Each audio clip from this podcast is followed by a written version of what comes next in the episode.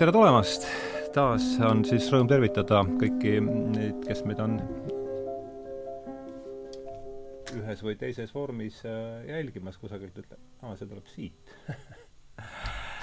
et ähm, pärast väikest hingetõmbepausi oleme siis Tähenduse teejuhtidega uuesti mm, eetris ja järjekorras siis saja kaheksateistkümnes saade äh,. ja, ja nagu ikka, on rõõm tervitada kahte saatekülalist, tere tulemast, Rein Munter, tere tulemast, Mailis äh, Napa Öelge palun enda kohta paar äh, sõna enne, kui, enne kui ma siis saate teema sisse juhatan, et kummast ta äh, mina olen lõpetanud Tallinna tollase Poltennise instituudi äh, tuhande üheksasaja kuuendal aastal keemiainseneri erialal, sattusin juhuslikult keskkonnakaitse teema peale, kuna minu juhendaja professor Enno Siirde andis mulle kandidaaditöö teemaks äh, uurida osooni toimet Ülemiste järve veele mm. -hmm.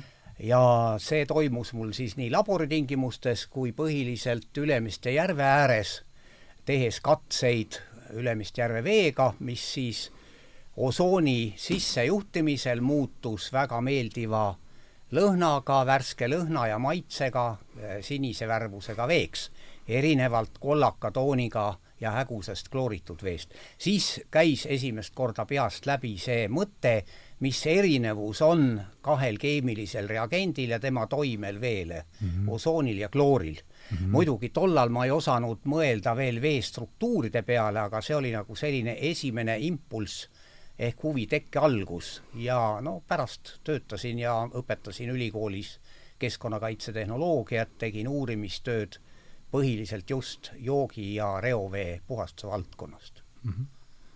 hüva, Mailis jaa, tere! Äh, mina ise olen siis nüüd oma, ütleme niimoodi, et ähm, keemikute pere ainukene humanitaar ja lõpetasin Tartu Ülikooli, kus siis põhimõtteliselt äh, tegelesin kirjanduse ja selle uurimisega ja kaitsesin seal ka oma kraadi ja teemaks oli siis Virginia Woolf ja tema nii-öelda kujundite süsteemid siis, äh, mida siis analüüsisin seal.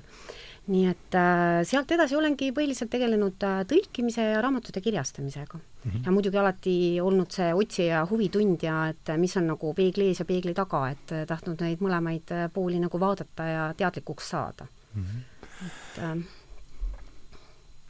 et see on nüüd esimene, ei, see on teine kord, kus meil on saates ühe pere ühe, ühe pere liikmeid siis, et Mailis on Reinu tütar. jaa, isa kutsel nii-öelda viibingi siin jaa, et see on ka oluline detail mainida, et et üks, ma arvan, et see on teine kord, kus olid Ingomar ja, ja, ja Claire Vihmarid olid amm, kusagil seal viiekümnes saade võib-olla, midagi sellist, võib-olla isegi väiksema numbriga. ahah, et siit no veeteema käis siit juba läbi ja, ja tänane saade on tõepoolest siis pühendatud äh, veele. Äh, töö pea, pealkirjaks, kui ma selle saate pea täna hommikul valmis tegin, panin ma talle äh, Pandora laegas. ja, ja miks see selline pealkiri sai üheks selliseks tõukepakuks sellele saatele sai siis see Reinu möödunud aastal Akadeemias number üheteistkümnes ilmunud artikkel Kas veel on mälu?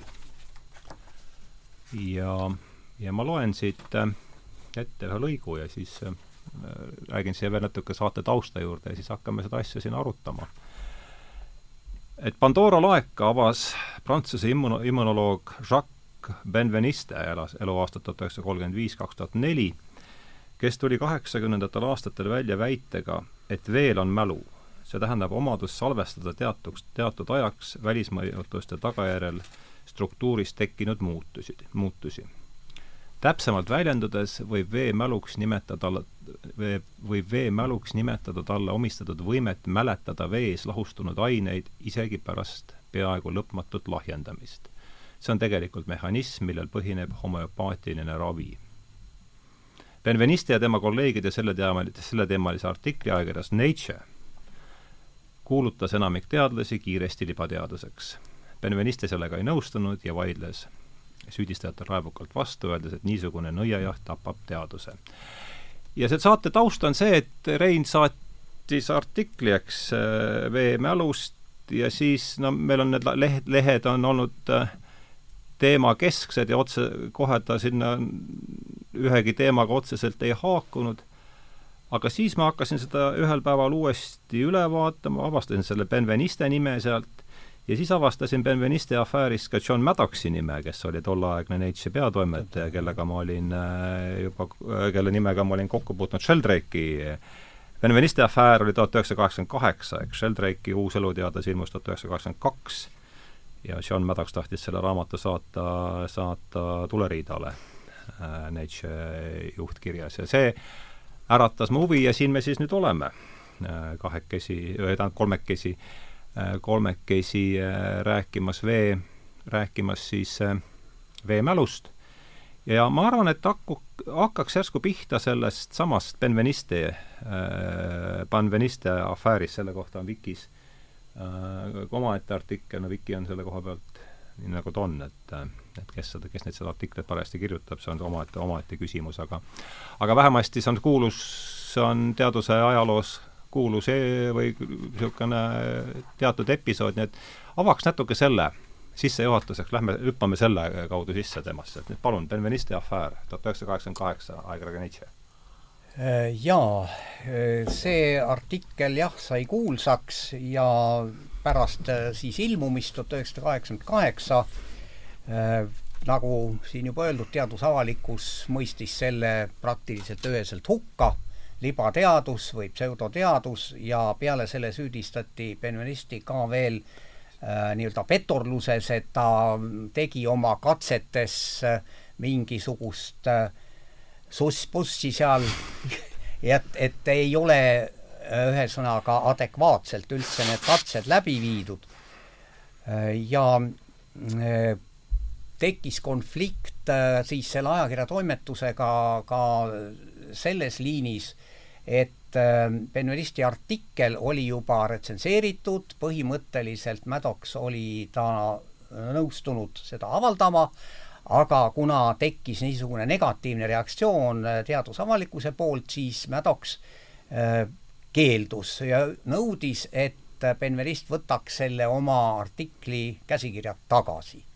ja äh, autor keeldus sellest järsult ja hakkas siis esitama esi-, erinevaid vastuväiteid, põhjendama oma katseid, tekkis ka selline, tal selline mõõnaperiood või niisugune raske nördimuse periood, kus ta ütles ühe kuulsa lause, ma vist poleks pidanud oma katsetulemusi näitama. jah, see käis sealt läbi teie artiklis küll, jah ja mis veel juhtus, üheksakümne viiendaks aastaks oli tema labori koosseis algselt viiskümmend inimest, oli vähendatud rohkem kui poole võrra, finantseerimine oli talt ära võetud ja oma laboriruumidest oli ta sunnitud välja kolima, Insermi, see on siis äh, Prantsuse rahvuslik meditsiiniliste uuringute keskus, selle Insermi, äh, selle instituudi õuele sisuliselt nii-öelda kuuri alla, piltlikult öeldes, kus ta püüdis siis mingeid katseid ikkagi veel edasi teha ja äh, juhtus edasi, juhtus veel selline asi, et äh, kuna Maddox kahtlustas teda petturluses ja, ja siis selles libateaduses, siis ta siiski nii palju tuli vastu pensionistele, ta ütles, et eh, ennem kui eh, teadusavalikkus saab teha lõpliku otsuse, tuleb teie katseid kontrollida mm. -hmm. ja see toimus aastatel umbes kaks tuhat kuni kaks tuhat kümme. Benvenist suri kaks tuhat neli, tähendab, see kontroll veel seal jätkus ja kontrolliti tema katsetulemusi Pentagoni poolt, USA kaitseministeerium, siis BBC saatesari Horisont, Horizon esindajad olid seal juures, siis oli Benvenisti enda järele jäänud grupi liikmed ja veel igasugused sõltumatud uurijad. Proovisid seda Benveniste katset, kus ta ütleb, et äh, vesi mäletab äh, temas olnud või temaga kontaktis olnud aineid ka pärast lõpmatut laiendamist praktiliselt, kui sellest ainest ei ole ühtegi molekuli seal enam mm. -hmm. prooviti neid katseid siis kontrollida ja reprodutseerida ja enamus need katsed ebaõnnestusid, enamus, aga mitte kõik, osa lõppesid ka positiivselt. see andis mingil määral äh, siis Benvenistele lootust, et äh, ehk osa teadlasi siiski hakkavad teda toetama ja tõesti, tal hakkasid tulema ka niisugused positiivsed äh, emotsioonid tema uuringutes. esiteks äh, tuhat üheksasada üheksakümmend üheksa äh, anti talle võimalus Pariisi lähedal digitaalse bioloogia laborist võtta ühendus Cavendish'i laboratooriumiga Cambridge'is mm. -hmm ja see oli siis, auditoorium oli pungil täis teadlasi, nende hulgas väga väljapaistvaid nagu Andrew Huxley, nobelist ja kuningliku teadusseltsi president, siis professor Brian Josephson, ka samuti nobelist ja kvantfüüsik, kes kogu aeg on ka toetanud äh, Benvenisti seisukohti ja ta siis demonstreeris äh, nii-öelda äh, oma katset, mida, mida kanti tegelikult siis elektrooniliselt üle sellesse Cambridge'i ülikooli. see oli üheksakümmend üheksa siis, jah? see, see oli tuhat üheksasada üheksakümmend üheksa. Maddox oli selleks ajaks läinud vist juba, eks ole ja,? jah, jah, Maddox oli nagu selleks ajaks lahkunud.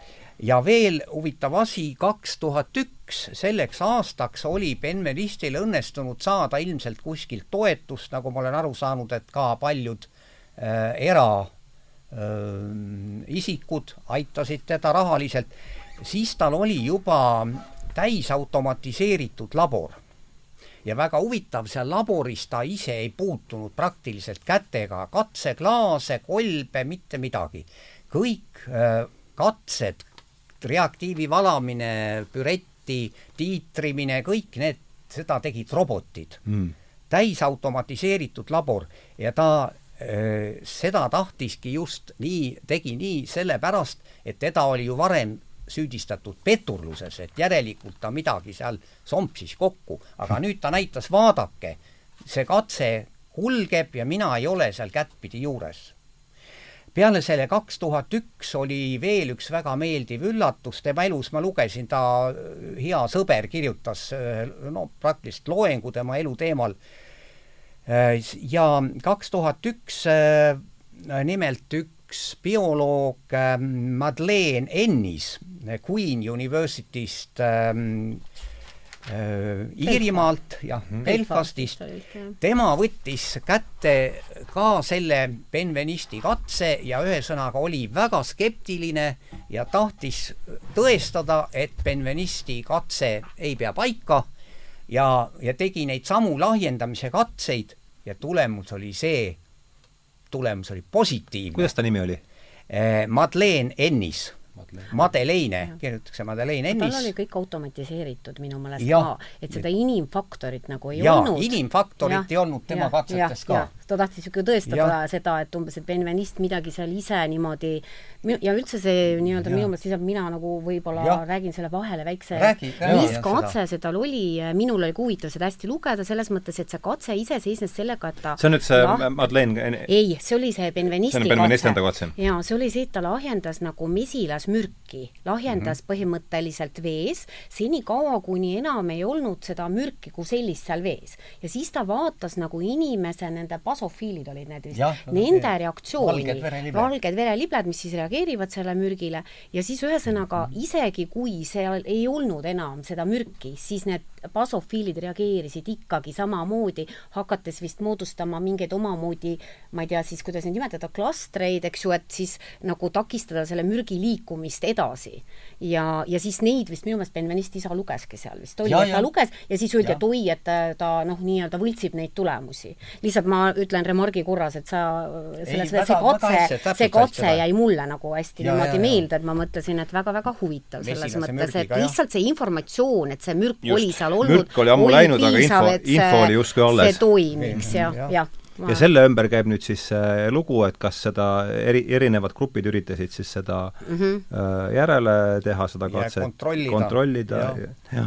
ja osad õnnestusid, osad mitte mm. -hmm. Aga noh, fakt on see, et kaks tuhat kolm anti Benvenistile koos kolleegidega USA-s välja patent ja see on sisuliselt Aha. bioloogilise info digitaalse ülekande võimalus. patent on selle peale, mitte selle lihtsalt selle lahjendamise peale, vaid et kuidas kanda edasi bioloogilist informatsiooni veest digitaalselt, salvestades seda näiteks äh,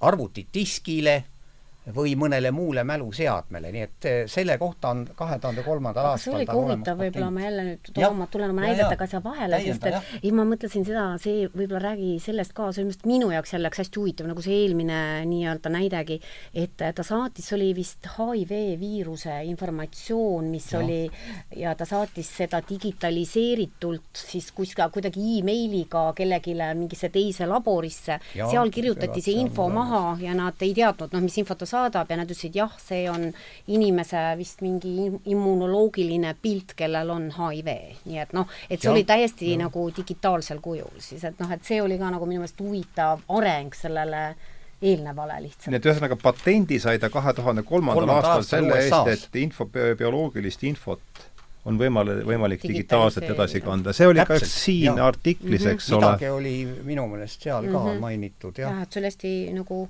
ahah, hiljem astus ta veel sammu edasi, väites, et vees sisalduvat molekulaarset infot saab edasi anda elek-, elektromagnetilise välja kaudu, ots-, seda otse kui magnetiliindile kandes, see on nüüd see, mille eest ta sai ja. siis selle patendi kaks tuhat kolm? täpselt, jah.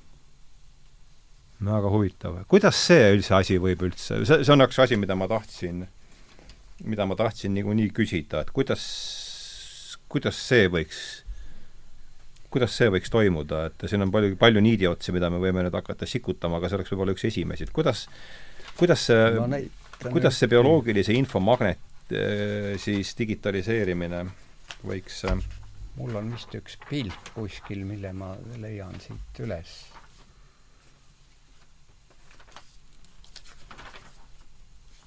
no ütleme, kõige lihtsam skeem, mida, mida kasutas äh, Benveniste ja pärast ka need teised, kes tema äh, katseid püüdsid kontrollida, koosnes nagu kolmest, kolmest osast mm. -hmm. reaktorist, kus sees on vesi, siis siin sees on vaskspiraal, noh, takistusega kuskil paarsada oomi, üleval on üks väike selline katseklaas, kus saab mingisugust keemilist ainet või, või ka bioloogilist, bioloogilist aine molekule lisada, siis on siin vahepeal võimendi amplifier ja siis on arvuti mm. -hmm. ja, ja selle, sellesama sellise lihtsa, lihtsa riista abil saab üle kanda ühesõnaga selle vee, vees olevate mälulakkude või klastrite struktuurile toimunud mõjutusi ja salvestada äh, salvestada siis arvutikettal ja edastada interneti teel. ja noh, siin on veel üks pilt, mis näitab seda, et kui meil on, ütleme, eksponeeritud vesi mingisugusele keemilisele ainele, siin on samuti see vaskspiraal, koprekoil sees mm, -hmm. siis see, see, selle vee äh, nii-öelda mällu või mälus salvestatud pilt, seda saab edasi kanda äh, puhtale veele ja valmistada sellest duplikaadi.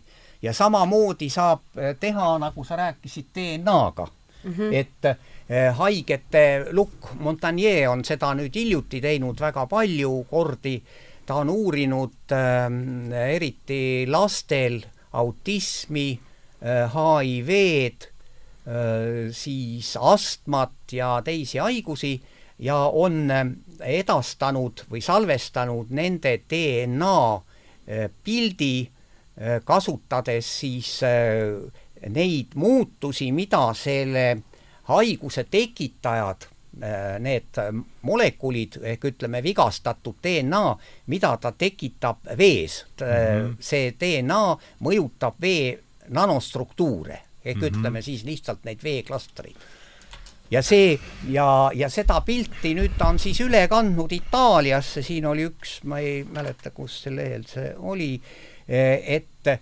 edastati emaili teel selline äh, info, et koha peal äh, viisid need biokeemikud läbi äh, polümeraas äh, selle polümerisatsioonreaktsiooni, ühesõnaga sünteesisid saadud info asemel selle haige lapse või haige inimese DNA molekuli üheksakümne kaheksa protsendilise täpsusega mm. -hmm. ja seda muidugi noh, nagu öeldakse, peavooluteadlased ei taha tänapäeval ka üldiselt tunnistada, ehkki on väga palju nüüd neid nobeliste ja väljapaistvaid teadlasi, kes seda usuvad, toetavad seda, aga noh, siiski diskussioon ei ole kaugeltki lõppenud ja teema on siiamaani üleval, eks ma saan aru? täie, teema on üleval jah, ja kas see oli vist kaks tuhat neliteist, kui eh, Prantsuse nobelist eh, Luc Montagnier, kes on HIV viiruse kaasavastaja Nobeli mm, -hmm. Nobeli preemia saanud,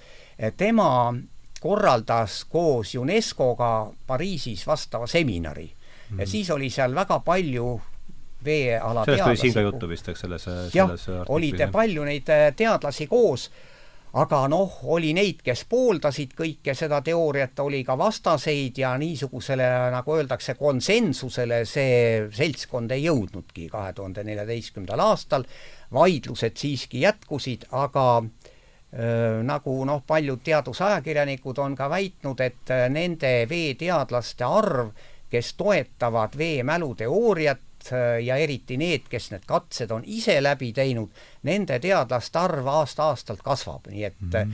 praegu ähm, toimuvad ju veekonverentsid, inglise keeles Water Physics, Chemistry and Biology Conferences, mida organiseeribki äh, professor Luc Montagnier ja Gerard Pollack Washingtoni ülikoolist ja need algasid kahe tuhande neljandal aastal, kui nii-öelda see teaduse, veeteaduse põhivoolust eraldunud teadlaste grupp mm -hmm. hakkas organiseerima neid konverentse. nüüd on toimunud kolmteist aastat, viimased kaks aastat mm -hmm. siin selle pandeemia tõttu on ära jäänud, aga järgmine konverents on kohe selle aasta oktoobris neliteist kuni seitseteist oktoober Saksamaal Bad Sodenis.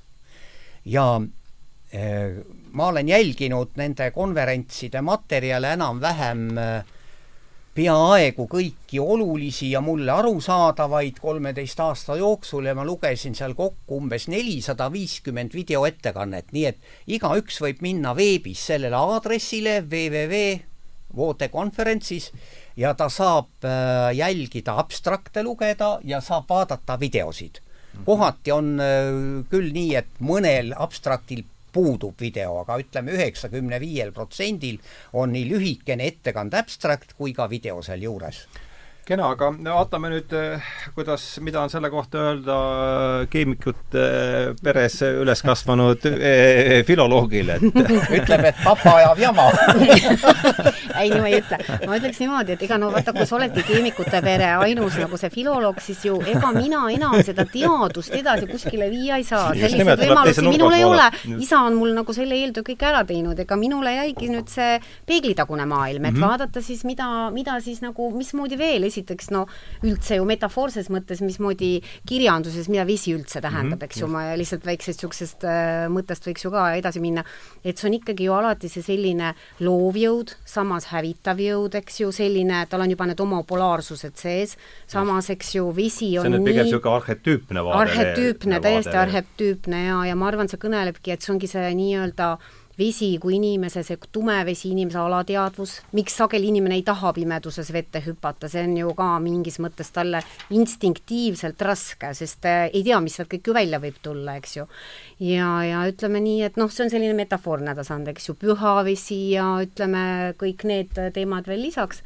Aga jaa, selles mõttes see veeteema on mul isa poolt juba nii lähedale toodud lapsepõlvest saadik, olen ju kogu aeg kuulnud, kuidas seda vett osoneeritakse ja mis temaga kõik tehakse ja ja siis selles mõttes huvi on alati endal väga suur olnud.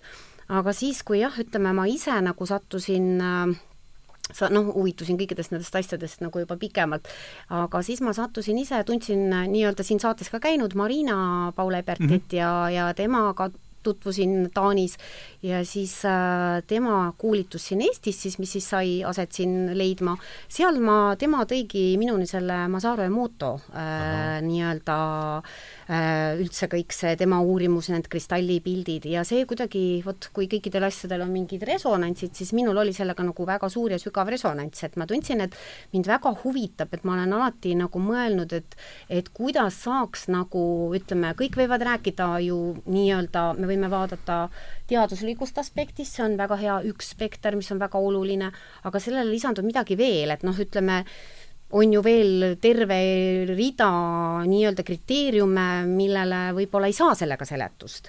ja ütleme, kas või lihtsalt ütleme, kui inimene astub kuskile ruumi, ma tulin sinna ruumi ja ma tundsin nagu tohutult head energiat, et mina nagu lähtun väga palju oma elus sellest, selles mõttes, et ma tundsin, et see on väga meeldivad inimesed ja siin on hea arutada ja siin on niisugune hea nii-öelda inspireeriv keskkond. Hmm.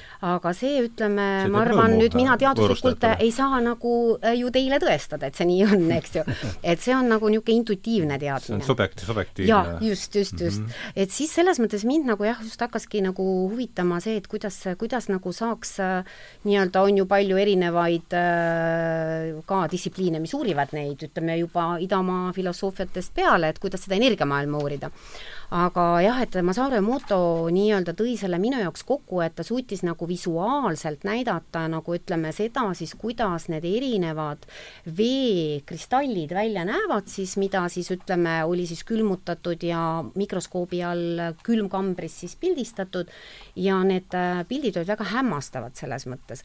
aga enne, kui ma selle juurde võib-olla läheks, ma hakkasin selle Pollaki peale mõtlema, kui sa isa rääkisid sellest Pollakist ja ma mõtlesin, miks mulle see Pollak kunagi väga nagu endale äh, nii-öelda nagu silma jäi, mitte et ma nüüd väga teaduses nii-öelda ülimalt kompetentne oleksin, aga, aga tema oli minu meelest see, kes tõi nagu minu jaoks huvitava mõiste nagu teadusaspektist nagu individuatsioon.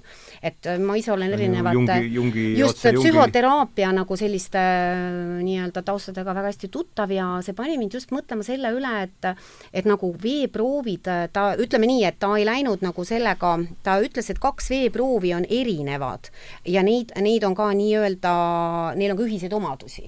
aga ta ei väitnud, et vesi on informatsioonikandja, eks ju, Pollak minu meelest, seda ta ei öelnud. aga ta lihtsalt nagu tõi välja selle, et veeproovid võivad olla individuaalsed. sest kui me muidu ise nagu veele mõtleme, siis siin klaasis on vesi, siin klaasis on vesi, noh, et need on, see on kõik üks, üks vesi. aga tegelikult ikkagi on mingid erisused ja on, ütleme, veel on veel mingid oma lisaomadused, väärtused, mis nagu sõltuvad sellest, millega see vesi on kokku puutunud. ja vot minu meelest see Masaru Emoto oligi selles mõttes väga, väga huvitav, et ta, et kui on nagu kui on nagu tulnud juba selline mõõde sisse selle Pollaki koha pealt, siis ma just mõtlesin, et tema ka vist rääkis sellest, et on nagu tulemas see selline, et et me ei saa enam inimestena nagu lähtuda sellest, et vesi või no mis iganes maailmas, mis on, et see on lihtsalt üks mingi elutu substants, et millel ei olegi mingeid erilisi omadusi, me lihtsalt kasutame, tarbime, noh, mida iganes, on ju, ja, ja siis meie oleme see ainukene teadmise, kõige selle intelligentsiga nii-öelda olend, eks ju, kellel siis ainsana see on antud. et tema ka nagu tõi juba seda vaikselt välja natuke niisuguseid šamanistlikke, ma ütleksin, suundi, mis vaikselt Polak, teadusesse hakkavad tulema ja et tegelikkuses kõik, mis ümbritsev on, on mingil määral elav. ja ta niikuinii on, sest toimubki ju nende elektronide liikumine ja võnkumine ja ta ongi. aga et noh, et see ka nagu teadusesse hakkab tulema see nii-öelda võib-olla indiaanlaste jaoks väga ürgne vana teadmine, et kõik, mis on, on elav, eks ju, aga lihtsalt tal on oma erinevad äh, aspektid siis, millisel moel.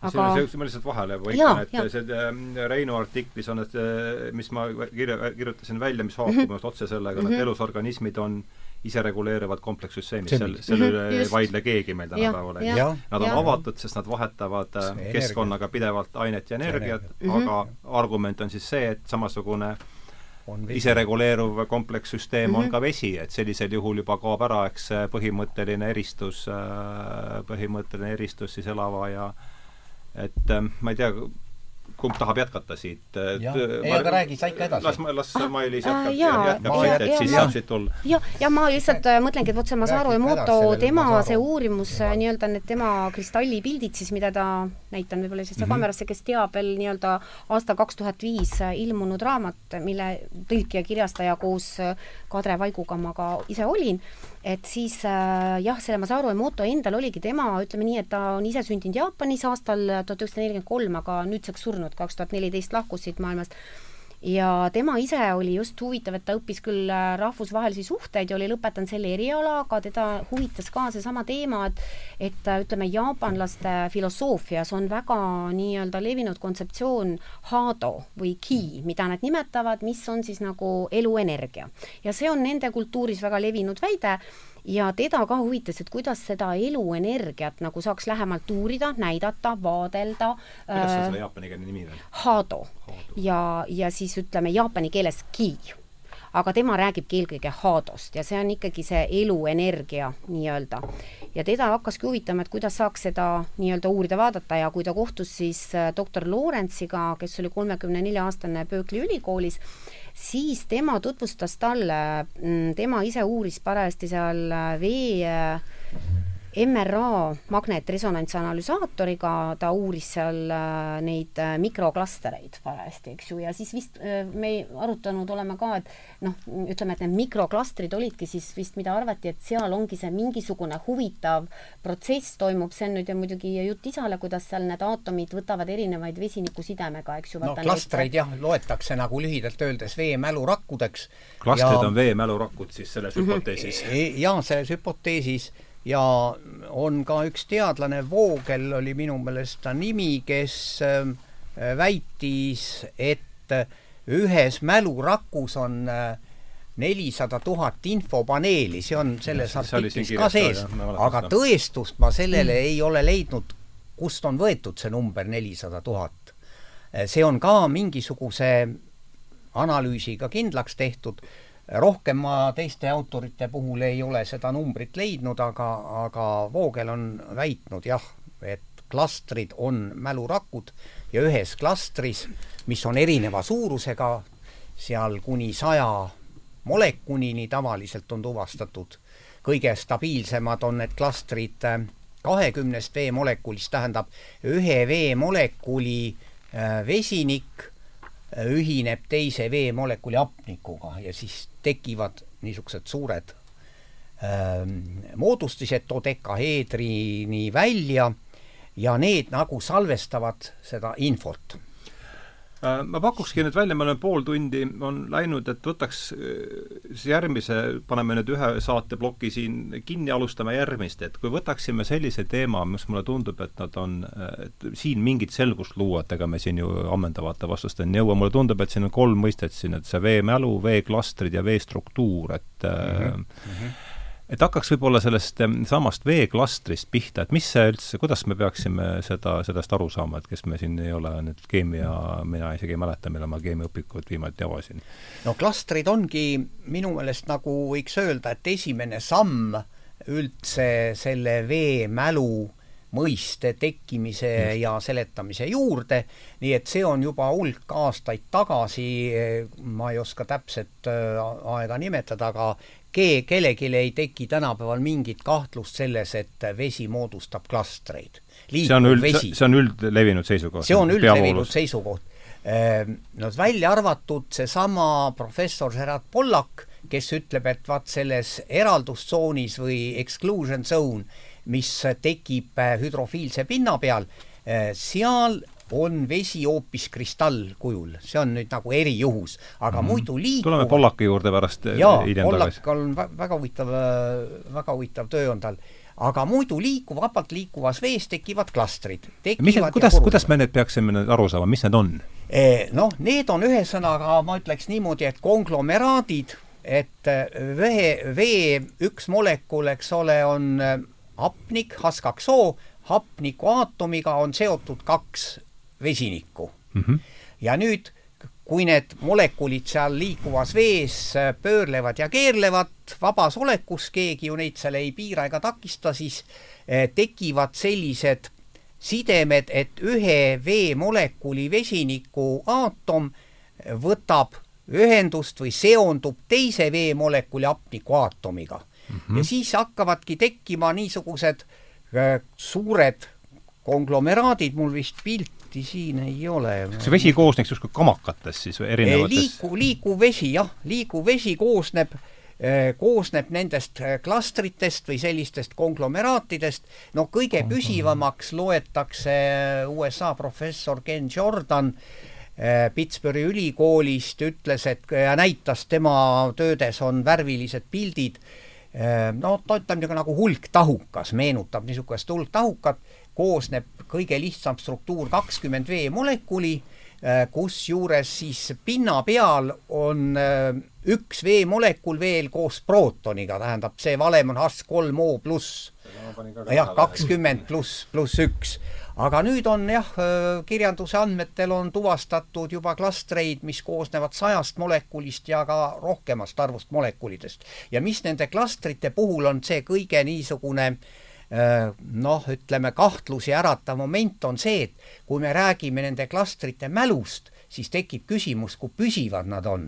Sest need klastrid tegelikult purunevad tohutu suure kiirusega ja no on väidetud ja mõõdetud siis erinevate meetoditega, et klastrite eluiga seni teadaolevatel andmetel on kümme miinus kaksteist sekundit ja, ja siis need veemälu vastased, kes äh, ütlevad, et veel, mis välu meil saab olla, kuna klastrid purunevad tohutu suure kiirusega, nendele praegu väidetakse vastu, et need klastrid, suuremad, mis koosnevad sajast ja rohkemast molekulist, nende see eluiga ei ole kümme miinus kaksteist, aga palju pikem. kui palju pikem, selle kohta ma ka andmeid ei ole leidnud. ja äh, nii et vaieldav koht on just, et kuidas need äh, mälukandjad, veeklastrid siis nii lühikese elueaga on. ja see, see ongi nüüd ka nii-öelda nende skeptikute üheks toetuspunktiks veel, esiteks nad väidavad, et penveiste katseid on raske reprodutseerida, et alati ei õnnestu, vahel õnnestub, aga alati ei õnnestu. aga see tundub olevat kogu teaduse probleem praegu, replikatsioonikriis on ju no, täiesti ja. kogu teadust räsiv nähtus praegu, jah, siis teine moment on, et eluiga liiga lühike ja kolmas, mida alati need äh, vastased on väitnud, on see, et Äh, puudub teoreetiline taust. Just. ja kui Benveniste tuli oma jutuga algul välja ka, siis teda ägedalt rünnati, öeldi aga põhjenda teoreetiliselt, sellepärast et Benveniste ju muidu ütles, et äh, see mälunähtus, see lahjendamisega kõik, eks ole, et see esineb ainult siis, kui vett intensiivselt segada. Aga ta ei, ta ei põhjendanud või ei osanud põhjendada, miks peab intensiivsemalt segama. Ja, ja nüüd no siin ma läheks ühe niisuguse mehe juurde nagu Prantsuse füüsik Michel Schiff, ehm, tuhat üheksasada kolmkümmend kolm kuni kaks tuhat neli, kes kirjutas raamatu veemälust ja äh, ma ei ole seda raamatut ise lugenud, aga ma olen lugenud ta oli füüsik, jah? füüsik, jah, Michel Schiff äh, prantsuse keeles kirjutas see raamatu, ma olen lugenud ingliskeelset retsensiooni sellele raamatule ja seal on väga tore lause eessõnas. Äh, Michel Schiff kirjutab, et on kaks terminit, kaks mõistet tänapäeval, äh, mis võivad äh, tavalise, ratsionaalse, rahuliku, intelligentse inimese viia endast välja ja irratsionaalselt vägivaldseks. Need kaks mõistet on homopaatiline lahus ja veemälu. Sest keegi ei saa nendest aru ja nagu ta ütleb kui tavainimene ei saa millestki aru, siis see ärritab teda.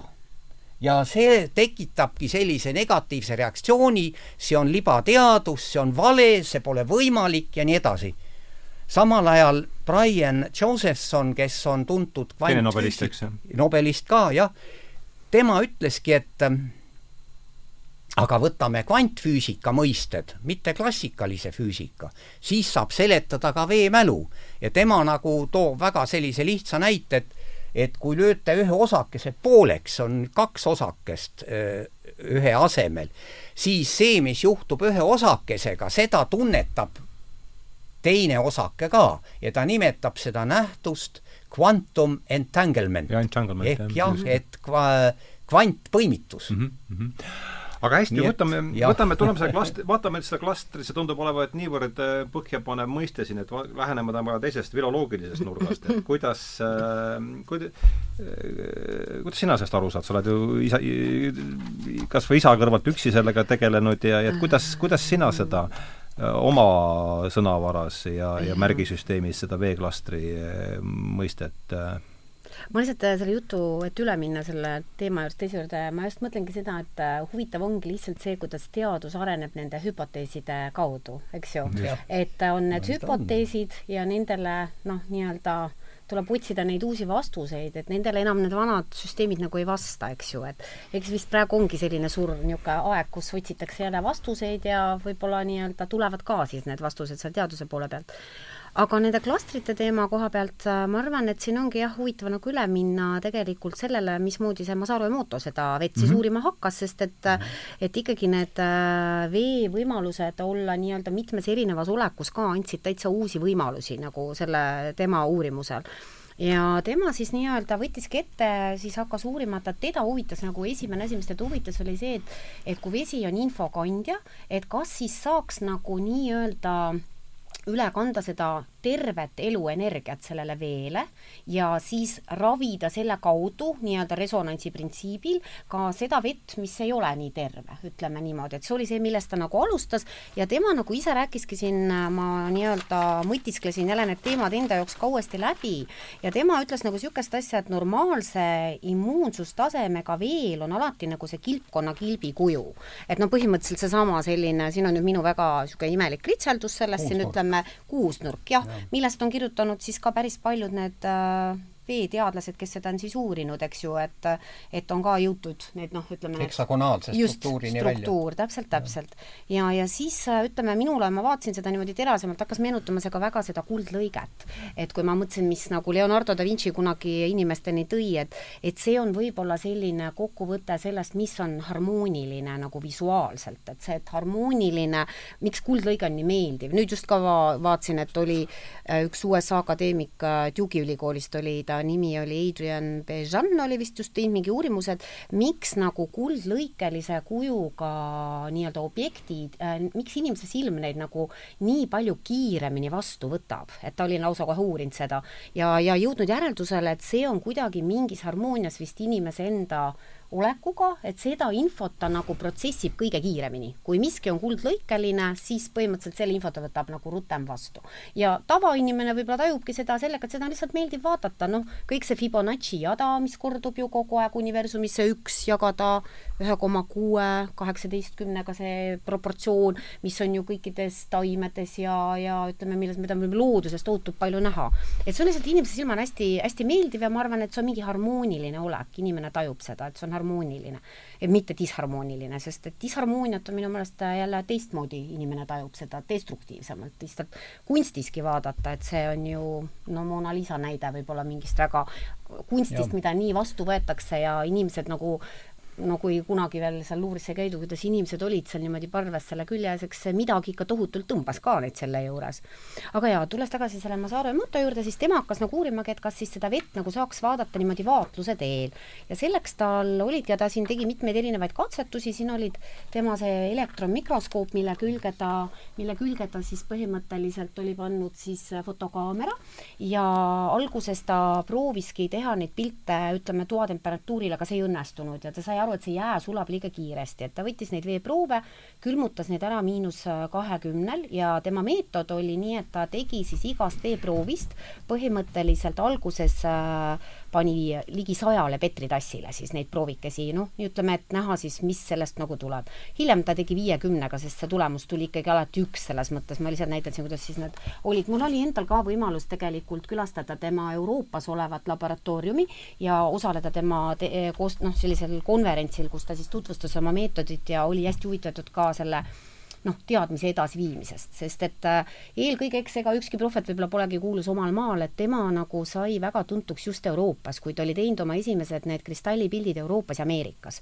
ja Ameerikas ka ilmus tema selline bestseller, kus oli siis nii-öelda New York Timesi bestsellers oli Veevarjatud sõnumid, eestikeelsena ka ilmunud, kus ta siis kõike kirjutas seda teemat ka lahti ja väga paljud inimesed lugesid. aga siis ta uuris jah, seda vett siis ütleme niimoodi, et äh, alustas allikaveest, et ta tahtis näha ise, et mis selle allika, missugused kristallid võiksid tulla siis allikaveest. ja siin ta noh, ütleme, need on siin Jaapani äh, allikavee kristallid. Äh,, reeglina sai väga ilusaid struktuure, ütleme niimoodi, et, äh, et väga harmoonilised, ilusad. Ja ta mõtleski, et äh, nagu nii-öelda, et tema enda mõte läks ka väga palju liikvele sellest, et pole olemas nagu kahte sarnast lumehelvest, et ütleme nii, et kui inimene neid vaatleb, need kristallid on alati erinevad. ja nii nagu ka nende veeproovidega, et see nii-öelda vee individuatsioon, et see vesi on alati erinev, siis sõltudes sellest, millest, millega ta on kokku puutunud. Ja näiteks teda nüüd siis huvitas, mis juhtub veega, kui vesi puutub kokku mm, inimtegevusega siin sellel äh, esimesel pildil ongi see kristall, kus on äh, ülemjooks, jõe ülemjooks. Ja väga ilus kristall. Ja nüüd siin on see jõe keskjooks, kus siis reostus, linnareostus läheb sisse, siis tuli nagu nii-öelda selline ütleme nii, et enam mingeid nagu kristallistruktuure või seda heksagonaalset struktuuri enam sealt ei tulnud. Ja siis alamjooksul oli juba täitsa mustaks auguks see vesi muutunud nagu selle inimreostusega nii-öelda kokku puutudes ja siis ta hakkaski sellest nagu nii-öelda edasi minema, et ta et ta vaatles veel ühesõnaga ka mängis, mõtles, et kas ka veeproovidele, et kuidas veel vett saaks mõjutada, mängis veeproovidele muusikat. Hmm.. ma näitan siit võib-olla mõnda, ta pani selle veeproovi äh, sinna kõlari vahele, vaatas ta vihmavett, vaatles ja, ja tegi neid meeletutes kogustes neid, siin ta mängib nagu veele muusikat, nii-öelda pani need veeproovid, ta võttis ka destilleeritud vee, et see oleks nagu väga-väga neutraalne, ütleme, et ei oleks tal juba eelnevalt mingeid omadusi peal ja siis sai erinevaid tulemusi mulle tuleb meelde endale, kui ma neid äh, esitlusi tegin, siis äh, Tõnis Mägi, ma ei tea, kas Tõnis Mägi ise seda mäletab hmm., aga äh, kohtusin temaga ja tema rääkis, et kuidas ta oli ka kõlari peal näinud, kuidas oli selline läbipaistev lillevaas ja noh, vist lilli enam seal sees ei olnud ja sealt kõlarist tuli muusika ja kuidas see vesi nagu võttis erinevaid kujundeid ja moodustas siis selle helivõnke nagu ütleme, kokkupuutel siis täitsa niisuguseid huvitavaid mustreid. kas see polnud mitte Sheldricki ettekanne sealsamal veekonverentsil polnud samade asjade peal? jaa, oli ilmselt jah. jah, ma olin isegi jah, jah, jah, jah, just, just nii. jah, ja siis me just maha. Äh, rääkisime, et, et noh, tema nagu usutas selle samal, et on oma elus seda märganud ja ta mõtles, mida see vesi teeb ja kui ta neid kristallipilte nägi, et siis ta nagu põhimõtteliselt ka oli kohe kohe ise seda oma silmaga näinud, need tekivad. siin on nüüd, ütleme, siin esimese pildi peal Beethoveni pastoraal ja teise peal on siis Mozarti sümfoonia nii-öelda kristall siis, mis on aga nagu mida nüüd on seal ikkagi täpselt pildistatud siis ikkagi? seal on pildistatud seda niimoodi, et ta võtab selle veeproovi, siis ta igale petritassile paneb ühe tilga mm -hmm. ja siis see tilk külmutatakse miinus kahekümne kraadi juures Nii. ja kui siis ütleme, see, kes seda pildistab, see inimene lähebki sinna külmkambrisse, ta ongi selle nii-öelda pildistamine toimus miinus viie kraadi juures, juures, sest et muidu ta hakkab kohe sulama mm. -hmm. ja siis ta pildistabki seda kristalli, mis selle veetilga tipus on saanud nähtavaks et ütleme nii, et see vesi nagu siis kristalliseerub ja siis seda on mikroskoobi all, elektronmikroskoobi all näha, seda kristalli nagu struktuuri. saan ma nüüd õigesti aru, et kristallid on ikkagi ainult jäätunud vees või? Ja, on see, nii, palju ma mäletan ja, ikkagi, eks ole, jah, just. vees jah, et äh, siin me nagu ei saa praegu neid vaadelda ega pildistada, aga see oligi, kuidas ta avastas, et nagu külmutamisel on neid eriti, eriti niimoodi niimoodi ja siis on see külmutatud vesi, sellele ja. mängitakse Beethovenit ja siis tehakse enne ei, pilt talle mängitakse selle, sellele veele. no ütleme nii, et võtakse veeklaas, aga Aha. temal oli destilleeritud veeproov, siin nii. oligi see, kus ta oli pannud ja see oli vedelal kujul, siis ta võtabki selle veeproovi, mis on siis noh, nii-öelda oletame siis siin selles pudelis, pudelikeses mm, -hmm. millel on seda muusikut, muusikat mängitud ja siis tilgutab seda nendele petritassidele, noh, imepisikese tilga mm -hmm. ja sain ka oma enda silmaga ise seal näha, selle mikroskoobi pealt vaadata, et kuidas siis see kristall seal näha oli. ja siis kõrvutatakse selle jääkristalli vett, millele mängitakse mm -hmm. Beethovenit, sellega, millele ei, ei ole mängitud mm. -hmm. just, just, just, just. see on loogiline. ja, ja, ja seal on vahe ja, ja kas me näeme siin pildi peal jaa, siin on nagu ütleme, klassikaline muusika annab väga ilusaid tulemusi, aga ütleme siin nagu no ütleme näiteks siin olid, tal on siin palju erinevaid erinevaid Bach, ma ei tea, kes ta siin kõik on, Tiibeti suutrad on siin olemas ja ka ütleme, no hevimuusikast ei tulnud midagi nii head, siin on sellised pildid nagu siin on vist see hevimuusika ja siin oli vist lausa öeldes Jaapani popmuusika, nii et, et ma ei tea, mis seal toimub praegu. see veel tundub ei meeldinud. see tundub jah, vesi ei, ei olnud väga vaimustuses sellest, see on küll jah, nii-öelda aastast kaks tuhat, äh, ma ei teagi, see tegelikult ilmus kaks tuhat viis, aga see oli varem olemas, nii et et eks võib-olla on muutunud ka. aga siis ta tahtis edasi minna, tahtis vaadata, mis juhtub, kui äh, veele näidata sõnu ja anda seda infot nagu sõnade kaudu. aga enne seda ta tegi väga lihtsa katse, mida tegelikult igaüks võib ka kodus teha, kes viitsib jamada, seda te tegelikult lastega on väga tore teha, mina oma, oma lastega, kuna kunagi väiksed olid, tegin ka. Ja, ja seda, ütleme, ongi huvitav vaadata, et praeguseni inimesed teevad see riisikatse ja see Nii. tuleb alati ühesugune tegelikult välja ka. selles mõttes võetakse keedetud riis, pannakse kahte purki, ühele purgile öeldakse ilusaid sõnu, ma armastan sind, oled ilus, väga positiivset energiat, teisele öeldakse, noh, ma vihkan sind, mida iganes negatiivset et oled loll, oled vastik. ja siis juhtubki nii, et see, millele öeldakse häid sõnu, sellest siis hakkab niisugune fermenteerumine tekkima, aga teisest tuleb niisugune väga äh, süsimust ja haisev ollus, ütleme nii. no see on selline äh, kodune väike keemiaprojekt, ütleme nii, energia, ma tegin, jaa, oma Nobeli, Nobeli auhinda sellest, sellest nii, niipea ei paista. ei tule, aga ma arvan, et praegusel ajal, kus kodus on vaja kogu aeg tegevusi leida, siis ma arvan, et võib proovida, võib proovida, et näiteks emad, kes ei saa lapsi midagi tegemas, siis ütleme aga nii, et tema hea pool saan... on see, et ei ole vaja miljardit, miljardit, miljardit, et seda katsetada. ainult keedetud riisi, mida kindlasti jääb üle kah veel, alati keedad seda rohkem, kui vaja on, on ju. ja siis oligi just huvitav nagu see, et, et põhimõtteliselt jah, see tulemus tuli alati nagu sama, et ei, ei, ei tulnud, ütleme noh, ütleme, võib ise proovida, et kui mm -hmm. tahtmist on aga see on jah, selline väga selline, ütleme jah, käepärane, aga võib-olla ka jah, Nobeli preemiat ka ei tule. ja siis ta hakkas neid sõnu näitama ja siin oligi äh, ka küsiti ta käest, et aga et kui inimene noh, kes need sinna pealegi kleepis neid sõnu, et ta teadis ja sellest eksperimendist, siis ta nagu proovis sama asja, mida need teadlasedki proovisid, ta tahtis võimalikult nagu automatiseerida, et seda inimese mõjufaktorit oleks nagu vähem, et siis näha, kas need sõnad siis nagu mõjutavad siis nii või ei mõjuta. no ütleme, et ta sai tulemused jah, mis on ju üsna loogilised, siin tal on aitäh ja jaapani keeles, see kristall. ja siin tal tulid, nüüd edasi oli midagi, et ma vihkan sind ja tapan su ära. noh, selline, nagu mingi surnud inimene nagu lamaks seal selle struktuuri põhjas, eks ju, see tulemus tal siit tuli. tundub uskumatu jaa ja, aga jah, jagan täiesti seda no,. eks ole, see on uskumatu. aga vot aga ta on, aga ta on teinud sadu fotosid. jah ja ta on teinud, ta sai palju kriitikat ja, ja see on armastus ja tänutunne. ta sai väga no, tegemist palju on ilmselgelt, ilmselgelt pseudoteadlasega juba on lo-, äh, no tema ongi seal, tema ongi, mina huvitun ka, ma olen nagu selles mõttes ka see, kes huvitub nendest teaduse no. äärealadest. mind huvitavadki need, sest noh, kui mu isa huvitub kõigest sellest ülejäänust, siis mina peangi ju edasi minema sinna piiridele, püüdma piire nii-öelda nihutada. ja ma arvan, et Masaarul nagu õnnest-, õnnestus see selles mõttes ja ja ta läkski nagu edasi selle juurde, et ta tahtis nagu teada saada, et kas on võimalik ka inimteadusega seda vett mõjutada. näitame palun veel seda raamatu kaant ka, et kui kellelgi nüüd tekkis huvi, et siis seda vist enam ei ole, see on no, see tiraaž on läbi müüdud, aga laenutada saab ikka jah, jah, kui on huvi vaadata mm. -hmm. siin oli jah, nii-öelda ka Eesti pildid sees, aga aga, aga käime, tuleme nüüd jällegi tagasi sealt siis selle piirialade poolt jälle nüüd natuke keskemale mm -hmm. ja mõtleme need läbi, need, käime läbi selle kogu hästi nii lihtsalt, kui see on võimalik, need vee no praegu me ütleme, valmistame ette nüüd sellele osale, kus me räägime Pollaki sellest vee, et käime selle baaskeemia läbi, et meil on, mina mäletan äh, oma keemi- või keemiakursusest, et veel on kolm agregaatolekut, eks, gaasiline äh, siis vedel ja, ja, ja, ja tahke, et käime nüüd palun need äh, teaduse seisukohast läbi, et mis seal siis, mis neid eristab valmistame lihtsalt pinna ette, elementaarne, elementaarne keemia tuleb meile ka kõigile kasuks, ma arvan.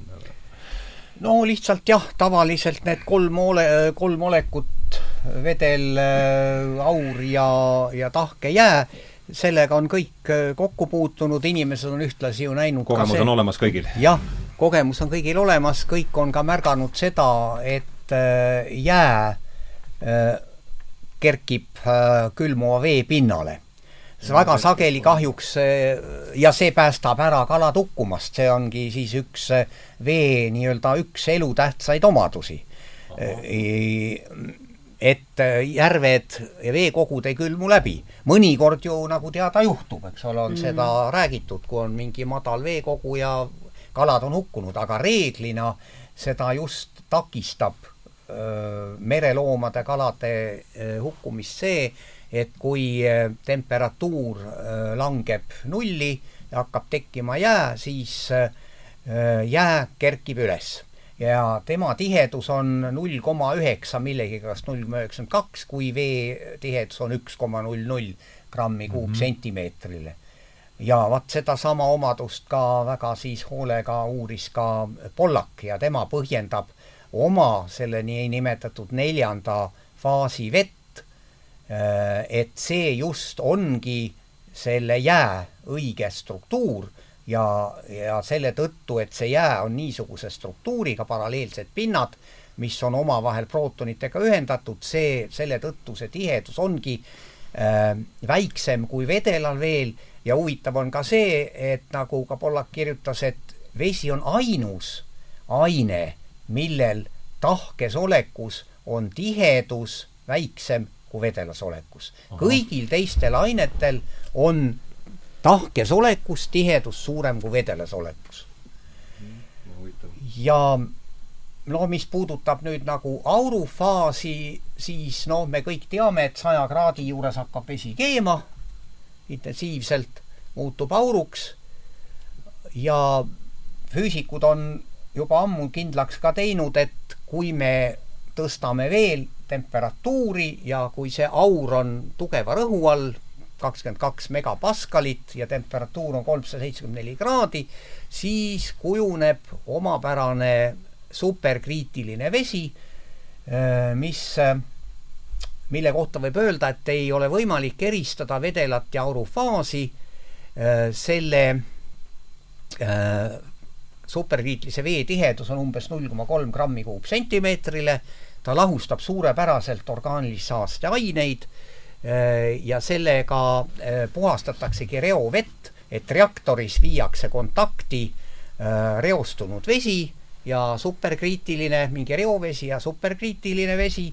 Ja siis need orgaanilised lisandid reoveest lahustuvad superkriitilises vees ja pärast me saame need oksüdeerida ja, ja sellest kõigest vabaneda.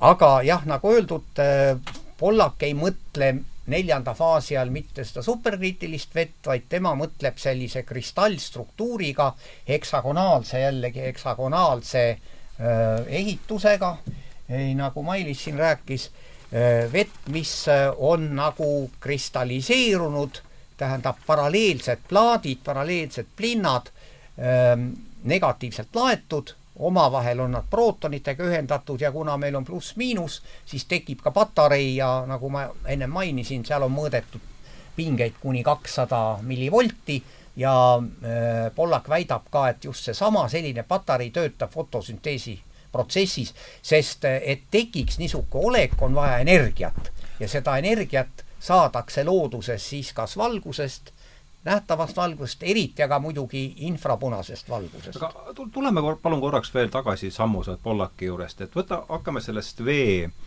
tavalisest vee oleku, vedelast olekust pihta, et mismoodi seal see, vaatame nüüd peegli taha siis äh, teaduse mõttes, et sellele vastab mingi selline, no ma võt-, võib-olla jääst on lihtsam peale hakata, et see on selgelt kristalline struktuur, kristall on, nii palju kui mina mäletan keemiast, on korrastatud, korrastatud niisugune mis ta siis on, atomaarne struktuur või? jah.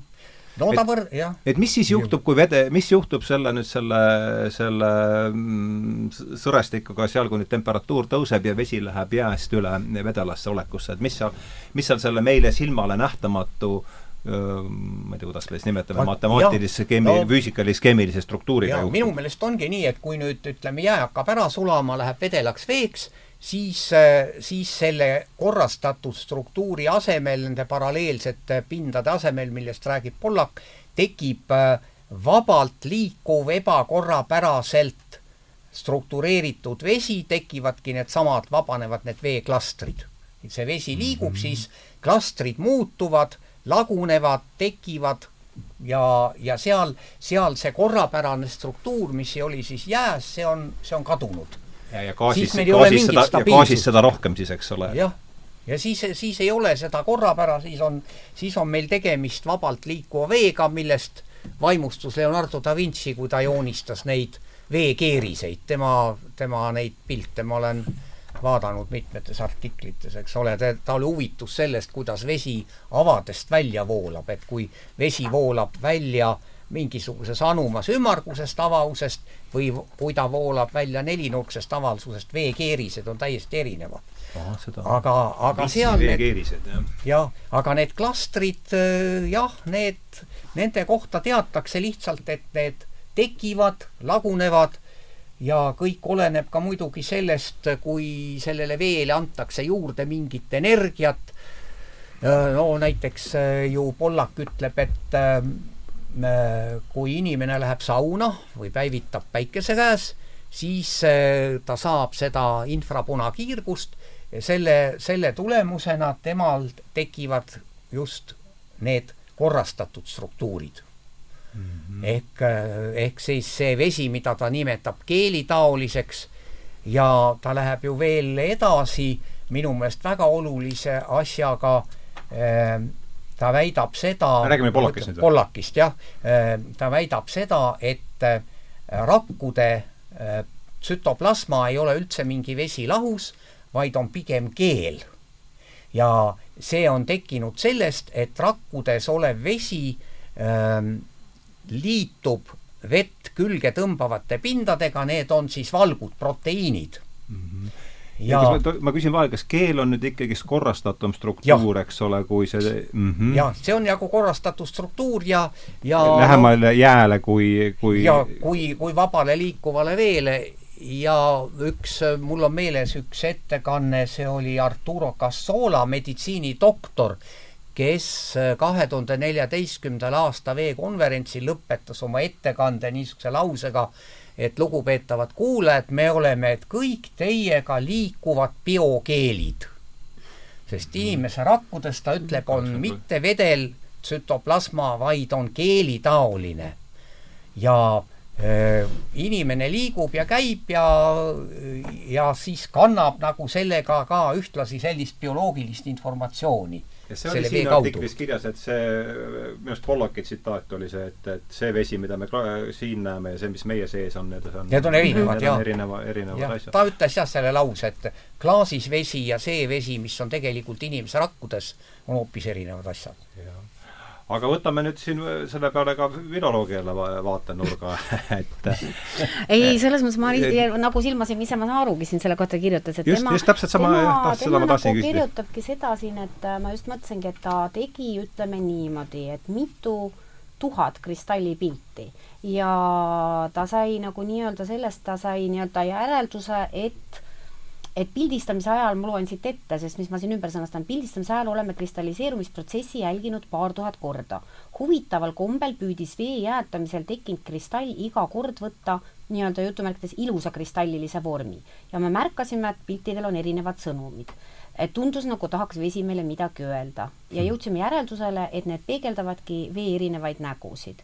ja et veel on ka alati see püüe, et kui on niisugused poollagunenud kristallid, et ta siiski püüab nagu tagasi minna sellesse, vot seesama kuusnurkne struktuur. et no, see nagu kõigi nende just kuusnurkne struktuur on kõige stabiilsem. seda loetakse ja kõige analüüsitud proovide taustal nagu ta just väitiski seda, et, et vesi tahab olla alati puhas ja vesi tahab võtta seda kuusnurkset struktuuri kultuuri, see oli nagu tema järeldus siit oma nendest tohututest, tohututest pildistamistest. no vot, ja siin, ma segangi vahele, vaata, Pollak ütlebki seda, et et kui tekib hüdrofiilsel pinnal see veekelme kuskil sada, sada viiskümmend mikronit paks, see exclusion zone, mida räägib, see tõrjutud tsoon, eh, siis eh, selles eh, nüüd mul läks mõte ära, mida sa tahtsid öelda, et see on kristallilises, ta läheb kristalliliseks exclusion zone minu meelest. ja, ja, vaata, ja seal, seal on kuusnurkne struktuur just, just, just, jah, jah, jah. seda ta rõhutab oma nendes uuring, uuringutes.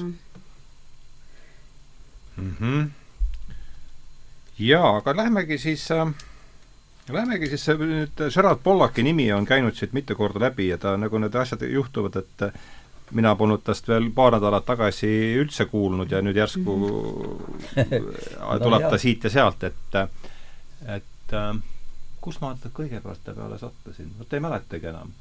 Charles Eisenstein on tast kirjutanud äh,, ma arvan, et siinsamas Reinu artiklis on ta üks sagedasimaid nimesid, mis äh,, mis siit läbi käib, et räägime kõigepealt siis, aa, pildid on ju ka kaasas, et jaa, no ma näitan. jaa, just. rõõmus mees. rõõmus mees, jah. vaadake, eks ole. et äh, ja temal on ju olemas kõikvõimalikud pagunid ja ordenid, et teda, teda ei saa nüüd pseudo teadlasest ei saa kuidagi nimetada. eks see ürit-, mõned ilmselt üritavad, aga see, ei, see temalt ei, ei ole paguneid ära, ära, ära võetud ja ei ole, ei ole et kellega meil on tegu siis Gerald äh, Pollaki näol? ja tema on Washingtoni ülikooli professor ja äh, ta on siis nagu teine mees, kes organiseerib regulaarselt neid äh, nii-öelda ketserite kokkutulekuid, kui naljatoonis võib ütelda. ehk siis äh, organiseerib veekonverentse koos Prantsuse nobelisti Luc Montagnieriga. kelle kohta oli ka pilt seal või? jaa, on küll. see on härra Luc Montagnier no tundub ka lõbu, lõbus härra, rõõmsa näoga härra olevat. praegu muide töötab Hiinas. jah, ma lugesin seda. jah, Hiinas ühes ülikoolis. aga jätkab suure hooga oma, oma uurimistööd. Ehm, mina sattusin äh, Gerald Pollaki nimele ja muidugi ka Luc Montagnier nimele, kui ma sattusin juhuslikult uurides äh, internetti ja äh, infot vee kohta, mind on juba peaaegu kümneid aastaid uurinud, huvitanud vee struktuurid ja mälu ja kõik need asjad. ja siis ma sattusin nende kahe mehe peale, et ja ja sain teada, et alates kaks tuhat neli nad korraldavad regulaarselt veefüüsika, keemia, bioloogia konverentse, nii et need, see ongi see juhtgrupp, Montagnier ja siis Pollak mm. -hmm. Kusjuures erinevus nende uurimistöös ongi selles, et Pollak uurib seda exclusion zone'i või eraldatud tsooni vett, mis on kristallse struktuuriga, mis meenutab jääd, mis meenutab ta, nagu ta ütleb, ka arvutimälu ehk silikoon, sili-, rännidioksiidi kristalle. ja kui nüüd rääkida sellest veemälust, siis Pollak on öelnud niimoodi, et kui ta käest küsiti, kas sellisel veel on mälu, mis on nende regulaarsete kihtidena siis sellel hüdrofiilsel pinnal, mida ta on uurinud, siis ta ütles jah, ma arvan küll, et on küsiks vahele, see on ka, tundub olevat oluline mõiste olevat, hüdrofiilne, see tähendab vett armastav. vett armastav jah, vett külge tõmbav pind. Äh, toome näiteid palun, mis on äh, hüdrofiilsed pinnad ja no, siis mitte hüdrofiilsed. pinnad, no näiteks kõige hüdrofoobsem äh, vett eemale tõrjuv pind on näiteks toroplast, plastmassid hüdrofiilne pind on näiteks äh, proteiinid, valgud, kõik sellised orgaanilised kas saapamääre on ka niisugune hüdro, hüdro... mitte hüdrofiilne siis, eks põhimõte, et ta lükkaks, lükkaks eemale, merikaru no, oli kunagi legendaarne saapa. Ehk rasvased pinnad, rasvatatud mm, -hmm. õlitatud pinnad, noh, kõige tüüpilisem, noh, õli see on siis hüdrofoobne, need ja, on hüdrofoobsed, eks? Need on hüdrofoobsed. ja hüdrofiilne pind oleks siis veel, võtame see, millel tekib veekelme peal ja tavaliselt arvati, et see veekelme, mis on hüdrofiilsel pinnal, et see on hästi õhukene, see on öö, nagu ütles Pollak, et ta arvas, et see kiht on ainult paar kolm veemolekuli paks. aga ta hakkas mõõtma, selgus, et sada viiskümmend, sada, sada viiskümmend mikronit, palju paksem, kui ta eeldas. Ta eeldas, et see on pakk, mingi paar molekuli paks parimal juhul, eks, aga tegelikult on sadu... aga tuli välja, et see on väga suure paksusega kiht. nii et ta selle, selle vee kohta tema nagu ütleski, et selle vee valem, muide, sellest pole juttu olnud, muidu me teame, kõik on H2O mm, -hmm. aga Pollak sellise vee kohta, kristallse struktuuriga vee kohta või keelitaolise vee kohta väidab, et äh, selle valem on H3O2. ja peale selle on veel teadlasi, kes on leidnud, et ähm, kui vesi on keelitaoline ja, ja kri- või kristallse struktuuriga, siis vee molekuli valem ei ole H2O, vaid on H3O2 mm. -hmm. ja Pollak on nüüd jah öelnud, et tema arvates sellise struktuuriga vesi on võimeline mäletama täpselt nii, nagu mäletavad arvuti mäluplaadid ehk siis silikoondioksiidist ehk see siis annaks sellele Benvenisti äh, selgi-, selgitamatule äh, asjale justkui mingi, justkui mingi aluse jah, jah, jah, täpselt. ja äh, doktor Voogel, see teadlane on IBM firmas, tema kasutas ultraviolett spektromeetriat ja tegi äh, sellise avastuse ka, et selles vees, mis on valemiga H3O2, on vesinikusidemed teistsuguse nurga all hapniku aatomi suhtes, ütleme, et kui, vabandust, kui on hapniku aatom ja nüüd kaks vesinikku, siis see nurk on erinev sellises äh, stru-, spetsiaalselt struktureeritud vees. nii et tema uurimistööd, Voogeli uurimistööd äh, on üldiselt kokku langevad selle Pollaki, Pollaki töödega. ja mida võiks Pollaki kohta veel öelda, enam-vähem nagu me oleme võib-olla temast ma küsin vahele, kas see, kas see klaas on hüdrofiilne materjal või? klaasil jaa, teataval jah, on tal sel, sellel klaasil jääb äh, veekelme ju peale, mida me noh, väga selgelt silmaga alati ei näe, eks ole, aga, aga teataval määral ta vett hoiab. Ehk siis teiste sõnaga, mina saan Pollakist niimoodi aru, et selle klaasi seinte, selle, selle siis siin selle klaasi, veeklaasi seina ja ja siis selle vee põhimassi vahel. jaa, vee põhimassi, kõigepealt tekib siis niisugune, äh, kui paks see on? No tema ütles, et sada, sada viiskümmend mikronit on ta seda kuidagi mõõtnud. sada, sada viiskümmend mikronit kehtib, on siis on selle see... vee põhimassi ja klaasi seina vahel on niinimetatud eraldustsoon, exclusion zone siis inglise keeles, millel on hoopis teistsugune struktuur kui sellel vee põhimassil ja see on siis sarnane rohkem jääga mingis ja. mõttes, eks ole. jah, ja samuti ta ütleb, et jah, inimese rakkude tsüstoplasma on samuti on samasuguse struktuuriga, pigem samasuguse ja. struktuuriga nagu see eraldustsoonis olev vesi. see on just, see põhim-, saan ma enam-vähem õigesti aru? see on jah, see, mida ta väidab, et tsütoplasma ei sarnane mitte veega selles klaasis, mida ma loksutan, vaid sarnaneb selle veega, mis on selle eksklusu-, eraldustsooni või exclusion zone'i pinnal mis on äh, juba korrastatud kristallse struktuuriga. ehk ta nimetab seda ka teises kohas keelitaoliseks ja siit ta siis tuligi välja selle väitega, et kõik elavusolendid, kaasa arvatud inimene, on äh, äh, bioloogilise vee ehk siis nii-öelda selle ähm, kuidas ta seda väljendit täpselt ütles, jah, biokeeli kandjad mm. -hmm. inimesed liiguvad ja kannavad need biokeeli endaga kaasas nii kena, aga ütle, üritame nüüd mõistetada, mida selle kohta ütleks pseudoteadlane Jaapanist. pseudoteadlane, jah. ahah, et ähm, et mis tema, kuidas see haakub, see jutt nüüd sellega? see keelijutt, selle just. keelijutu kohta ma arvan, et temale, tema lihtsalt ütleb siin seda, et äh, tegelikkuses nagu äh, ütleme niimoodi, et äh, et sellel veel ongi hästi palju neid äh, erinevaid äh, vorme ja olekuid ja et selleks, et saada, et need kristallide pildid kirjeldavad vaid ühe veeproovi seisukorda ühe päeva konkreetsel hetkel, aga teadusliku analüüsi puhul tuleb kristalle jälgida iga päev eri asukohtades ja siis analüüsida seda informatsiooni nii-öelda võimalikult neutraalsel moel, et noh, et ütleme, ma arvan, et see, et see vee nii-öelda olek on erinev selles mõttes ja ma arvan, et ta on nagu ka mõjutatav erineval moel ja seda ta nagu oma nende piltidega ongi näidanud. otseselt selle keeli kohta tema ei ole mingisuguseid oletusi nagu teinud, et seda keeli kui sellist ta ei ole kuidagi mingilgi moel uurinud, vaid ikka ainult nende nii-öelda tahkete kristallide pildistamise näol on see tema nagu nii-öelda.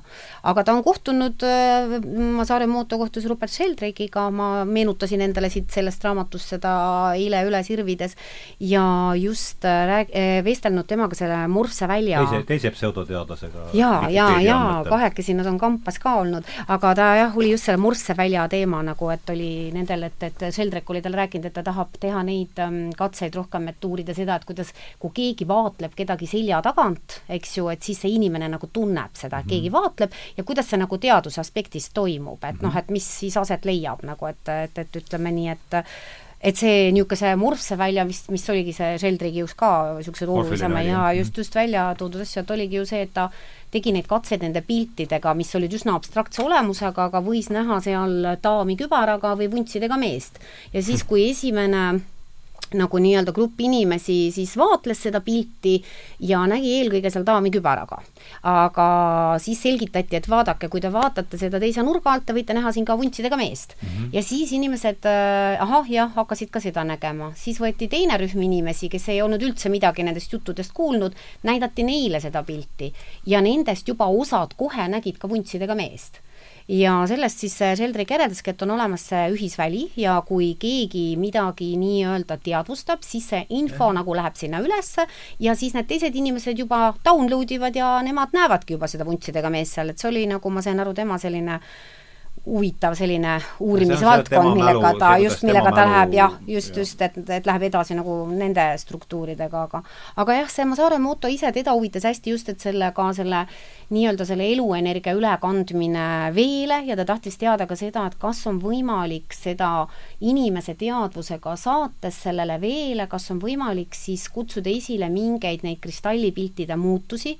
Ja ta tegi siin ka väga mitmeid äh, katsetusi, kus nad saatsid mingi viiesaja inimesega ka mingile Fukushima, ma ei tea, veehoidlale, mis oli väga halvas seisus, saatsid äh, ka nii-öelda head energiat, palvet ja nad said sellest, nagu ma vaatan korraks, ma leian selle üles, sa-, äh, said väga ilusa tulemuse selle kristallipildi näol, et äh, et ta nagu ütleme, oli ise väga suure missiooniga inimene, et ta tahtiski eelkõige, vot siin oligi vist see, et see oli see Fujiwara paisjärv, mille siis algselt pilt oli selline, mis ta siis sai mm, -hmm. siis ta tegi tseremoonia, kus olid, osalesid ka erinevad inimesed, ütleme kõik seal osad ei uskunudki sellesse ega midagi, lihtsalt äh, saatsid ka siis nii-öelda, oli üks palvuse tseremoonia läbi viidud ja siis ta lõpptulemusena siis sai sellise kristalli. Ja see Fujiwara paisjärv oli alati tuntud, et kevade või suvel vist tulevad need vetikad või et alati ta haises meeletult see. Ja siis, kui nad tegid seda tseremooniat, et see aasta oli esimene kord, kui nagu neid vetikaid ei tulnud ja see ei läinud üldse ei läinud haisema nii-öelda, et mingi, mingi struktuuri muutus, aga vot küsimused ongi, et kaua see kestab, äh, mis ja. peab tegema selleks, et võib-olla see vesi saaks paremini seda struktuuri taastada, seda kuue nii-öelda tahulist, et need on jah, nüüd niisugused huvitavad küsimused. ja, ja ütleme siin noh, Eesti, ma võin näidata siin veel neid Eesti pilte, mis me ka saatsime veeproovidest, see olid need Eesti kaevuveed ja see on Pühajärve vesi mis oli ka väga ilus. ilus kristall. et selles mõttes küll, et, et Masaru Emotot enda just, ennast just huvitaski selline see tervendamise aspekt, et kuidas on võimalik, et mida saab siis inimene teha, äh, kas ta saab äh, kuidagi seda nii-öelda üle kanda oma teadvusega seda energiat, mõtet, äh, et muuta selle vee struktuuri, et kas oleks nagu võimalik, see oligi see, mida ta üritas ja, ja ta oli ise ka ÜRO rahusaadikuna siis nii-öelda äh, võtnud oma missiooniks nagu seda teadmist edasi anda ka siin veevarjatute sõnum, sõnumites, et inimestel on siiski ka võime mitte ainult reostada, vaid on ka võimalik tegelikult äh, teha nii-öelda, teha nagu teist, teist tervendada jah, just, et anda seda enda haadot või giid või kuidas seda keegi nimetab, et äh, nii-öelda veele üle kandes seda selle struktuuris siis on noh, ka muutused nagu ikkagi, ikkagi näha siin tema töös. aga noh, muidugi eks teaduse poole pealt äh, ei oska ma kommenteerida, kas selliseid keegi niimoodi ei saa, ei olegi saanud uurida, nad on jõudnud nagu järeldusele, et see on vii-, liiga muutuv, liiga ebastabiilne ja, ja mis on just võib-olla huvitav, et väga individuaalne et selles mõttes jah. ma tahtsingi küsida, et minu meelest see võtmemõiste, mis meil käis siit enne mm -hmm. läbi mm, Mailisega, on see individuatsiooni mõiste mm, -hmm. eks ole, et, et kui ma siiani olen nüüd küsinud sedapidi, et olen palunud äh, Reinul rääkida teaduse keeles ja siis võtnud äh, kommentaari Mailiselt, siis pööraks nüüd teistpidi selle asja, et et, et kuidas teadlane, see, see vee individuatsioon, et kuidas äh, Rein teadlase pilguga noh, lihtsalt seda mõistet niimoodi lahti enda jaoks, enda märgisüsteemi tõlgeks, et mul oleks väga huvitav seda kuulata. eks, eks me sellest oleme ju siin rääkinud siia niikuinii, aga kui seda natukene kokku võtta no mina ütleks, et äh, Masaru Emoto, jah, ma olen sinu raamatust äh, ju varem neid pilte näinud ja, ja neid äh, fotosid on ju ka internetis praegu hästi kättesaadavad ja Masaru Emotot, nagu öeldud, jah, peetakse ka paljude poolt pseudoteadlaseks, aga samal ajal on, on rõhutatud ähm,, äh, ma olen retsensioone lugenud tema kohta ka, kus öeldakse, et ükski kritiseerija ei oska tuua mitte mingisugust puudust tema selles metodoloogias mm. -hmm. et see on puhtalt nad, teaduslik Nad meetod, lihtsalt ütlevad, et ei usu ja ta mm -hmm. on ikka libateadus, aga, aga ei oska viidata mitte ühelegi metoodilisele puudusele nende tuhandete fotode juures, et miks lihtne on öelda, et ei usu, eks ole, siis noh, võime öelda, et ta võltsis kõik fotod, aga kuidas saab niimoodi kõiki neid võltsida, et võtad reostunud vee ja selle kristalli ja võtad allikavee ja nad tulevad, need pildid tulevad erinevad, et et see on ikkagi seotud konkreetse, konkreetses kohas konkreetse veega ja sellele veele toimunud füüsikalis-keemiliste või bioloogiliste muutustega, et see kristall peegeldab seda, mida vesi on, millist mõju ta on tajunud, täpselt nii, nagu mina kunagi Ülemiste järve ääres vett osoonisin ja ma nägin ka seal klooritud vett ja seal oli kohutav vahe, üks haises, oli kollane ja hägune, teine, kuhu ma osooni sisse juhtisin, oli läbipaistev, õrna sinaka lõhnaga, värske maitsega miks? no meile meeldis ma kujutan ette, et kuivõrd siin on tegemist sellise füüsikalis-keemilise mõjutusega, siis sellel ei ole, sellel, sellel ei ole peavooluga probleemi, et see on ja, ja, ja see on selle peavooluga läheb nagu kokku, et võtad teise keemilise reagendi, et mm -hmm. noh, siis ta peab teisiti toimima. aga no, mängid viiulit veele, siis on juba, siis on juba no siis on teine lugu. ja siis on noh, helilainete toime mm -hmm. või, või nagu kõik kõik äh, need teised, Montagnier ja teised, Pollack ja kõik ütlevad lõpuks, et et mõjub ju elektromagneetiline laine täpselt samamoodi, nii et et praegu on tõesti väga-väga huvitav jälgida öö, ähm, seda Montagnier, Montagnier neid töid, mida, mida ta praegu, praegu läbi viib, ta muide kaks tuhat neliteist ka Prantsuse televisioonis ma olen ise seda video vaadanud, see, see video on tõlgitud inglise keelde, see on täiesti internetis olemas. Äh, ta täpselt näitab, mida ta, mida ta teeb, kuidas vesi ühesõnaga annab edasi elektromagnetilisi signaale mm. -hmm. kuidas DNA-d saab edasi anda mm -hmm. ja öö, lindistada. nüüd samm veel Benvenisti poole tagasi tulla, et, et seal oli kus see lause meil siin oli, et äh, küsiks äh, Mailis käest seda, et äh, ahah, see on seesama lause, mis ma siin alguses ette lugesin, et täpsemalt väljendudes võib veemäluks nimetada talle omistatud võimet mäletada vees lahustunud aineid isegi pärast peaaegu lõpmatut lahjendamist. see on homöopaatia. see on tegelikult mehhanism, millel põhineb homöopaatiline ravi, et no ma tean seda sõnapaari ja et mis mm, -hmm. mis tuu on, et et võib-olla homöopaatia. vaat ma arvan, sellest on kindlasti paremaid inimesi, kes ja, oskavad aga... sellest rohkem rääkida, ma võin lihtsalt rääkida enda kokkupuutest, ma natuke värskendasin mälu ka selle homöopaatia osas. ja no ütleme niimoodi, et selle homöopaatia on pseudoteadus, nagu me aga vaata, see pseudoteadus on olnud nagu kaks sajandit, eks ju, et ma ise ütleks niimoodi, et ma ei tea, kui me vaatame neid muid teadusi, siis võib-olla kaks korvpall on, korvpall on ka pseudoteadus. Kaks sajandit olnud. Nagu ei tea, ei tea, ei tea, eks see igaüks no,, igalühel endal otsustada, ma arvan, et nii, aga lähme, lähme sellesse usun, usun, jah, see on nagu teine, teine teema. aga jaa, selles mõttes ütleme, selle homöopaatia rajajaks oli Samuel Hanemann niimoodi kokkuvõtlikult, on ju, ja tema ise, tema eluaastad äh, olid siis tuhat seitsesada viiskümmend viis kuni tuhat kaheksasada nelikümmend kolm. ja palun aastad äh, kuidas? palun aastad veel. jaa, tuhat seitsesada viiskümmend viis ja mm -hmm. suri tema tuhat kaheksasada nelikümmend kolm ja sündis äh, Haanemann, jah? Haanemann, jah. sündis Saksamaal, Maissenis aga tema oli ka hästi selles mõttes, ta oli ju valgustusaja, selles mõttes noh, valgustusaja kontekstis äh, olev mm -hmm. inimene. ja ütleme, kui seda homopaatia sõna vaadata, siis eks ju see homoios on siis kreeka keeles sarnane ja, ja siis paphos nagu siis haigus või patoloogia mm. -hmm. ehk siis sarnane olemasolevale patoloogiale mm. -hmm. ja tema see nii-öelda ravi printsiibil, printsiibil similia, similibus äh, curentur, nagu ladina. Keeles öeldes.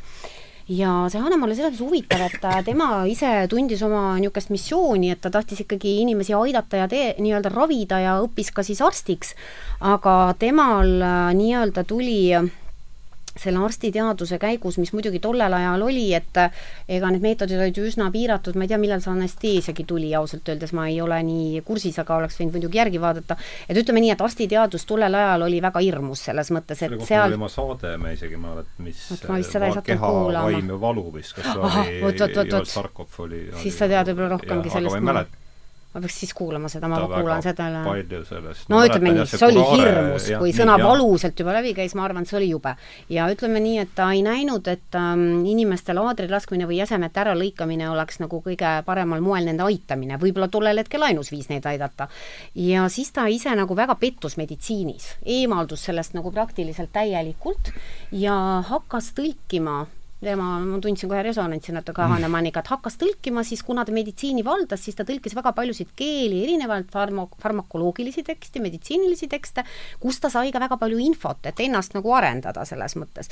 ja siis ta parajasti tõlkiski seal kellegi mateeria meedikat siis noh, kus olid siis kirjas nagu mingid, ma sain aru siis nagu tolleaegsed niisugused preparaadid, mida kasutati ja parajasti oli just see inimene, kelle raamatut ta tõlkis, ma nüüd ei leia ta üles siit, oli ta just, tegeles selle hiniinipuu koorega, sest malaaria, eks ju, see oli niisugune aeg, kus ju need merereisijad ju käisid piirkondades, kus malaaria levis laialt mm -hmm. ja oli vaja ju ravimeid midagi sellele ja ta mm -hmm. te, äh, oli nii-öelda, hakkas ise ka testima, mis see, mis see hiniinipukoor siis inimesele teeb. ja sai aru, et kui sa oled terve ja närid seda koort, siis sul tekivad malaaria sümptomid, kuigi sa ei ole üldse mhm. malaarias.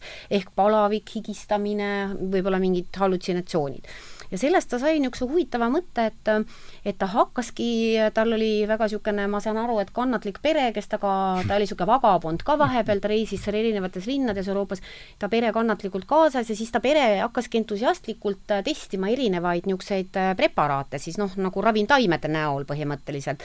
ta testis enda peal, testis oma pere peal neid ja kõik lõid nagu selles protsessis tal seal kaasa ja ta kirjutaski lõpuks hiljem siis sellise enda enda raamatu, sellise Mateeria meedika, kus olid kõik siis need see on tema, Mateeria meedika on tema ja, raamat? jaa, tema enda, neid on mitmeid, aga see äh, Hanemani Mateeria meedika on nagu see homöopaatia aluseks.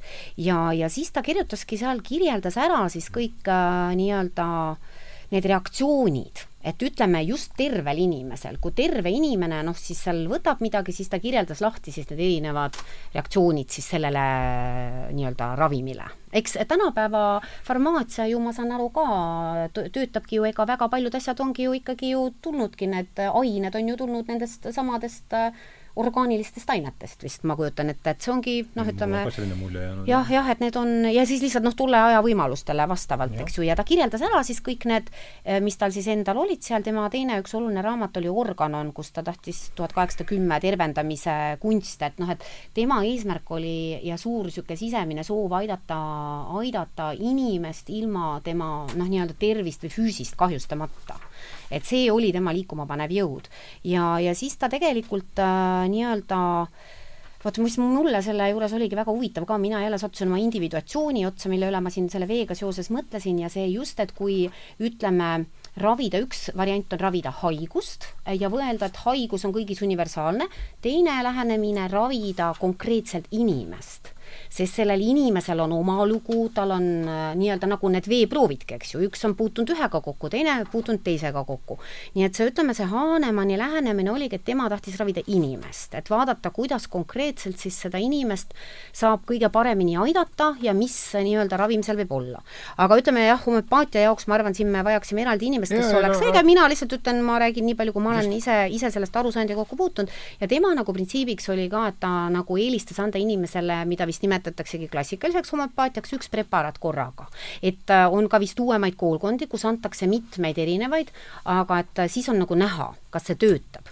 ja ma lugesin ka huvi pärast äh, nii-öelda tänapäeva nende koolkondade arvamusi, noh ka seda, kõike seda homöopaatia kriitikat, kuidas seda on väga raske nagu tõestada ja nii-öelda need tänapäeva homöopaadid, kes väga paljud ise on arstiharidusega, nad on, ütleme, selle kõik ära omandanud ja on vaadanud, et noh, et tahaks veel kuidagi aidata inimest, et äkki on veel mõni võimalus, sest äh, ei oska, ei oska nii-öelda võib-olla kõiki neid äh, muidu ju näha, eks ju.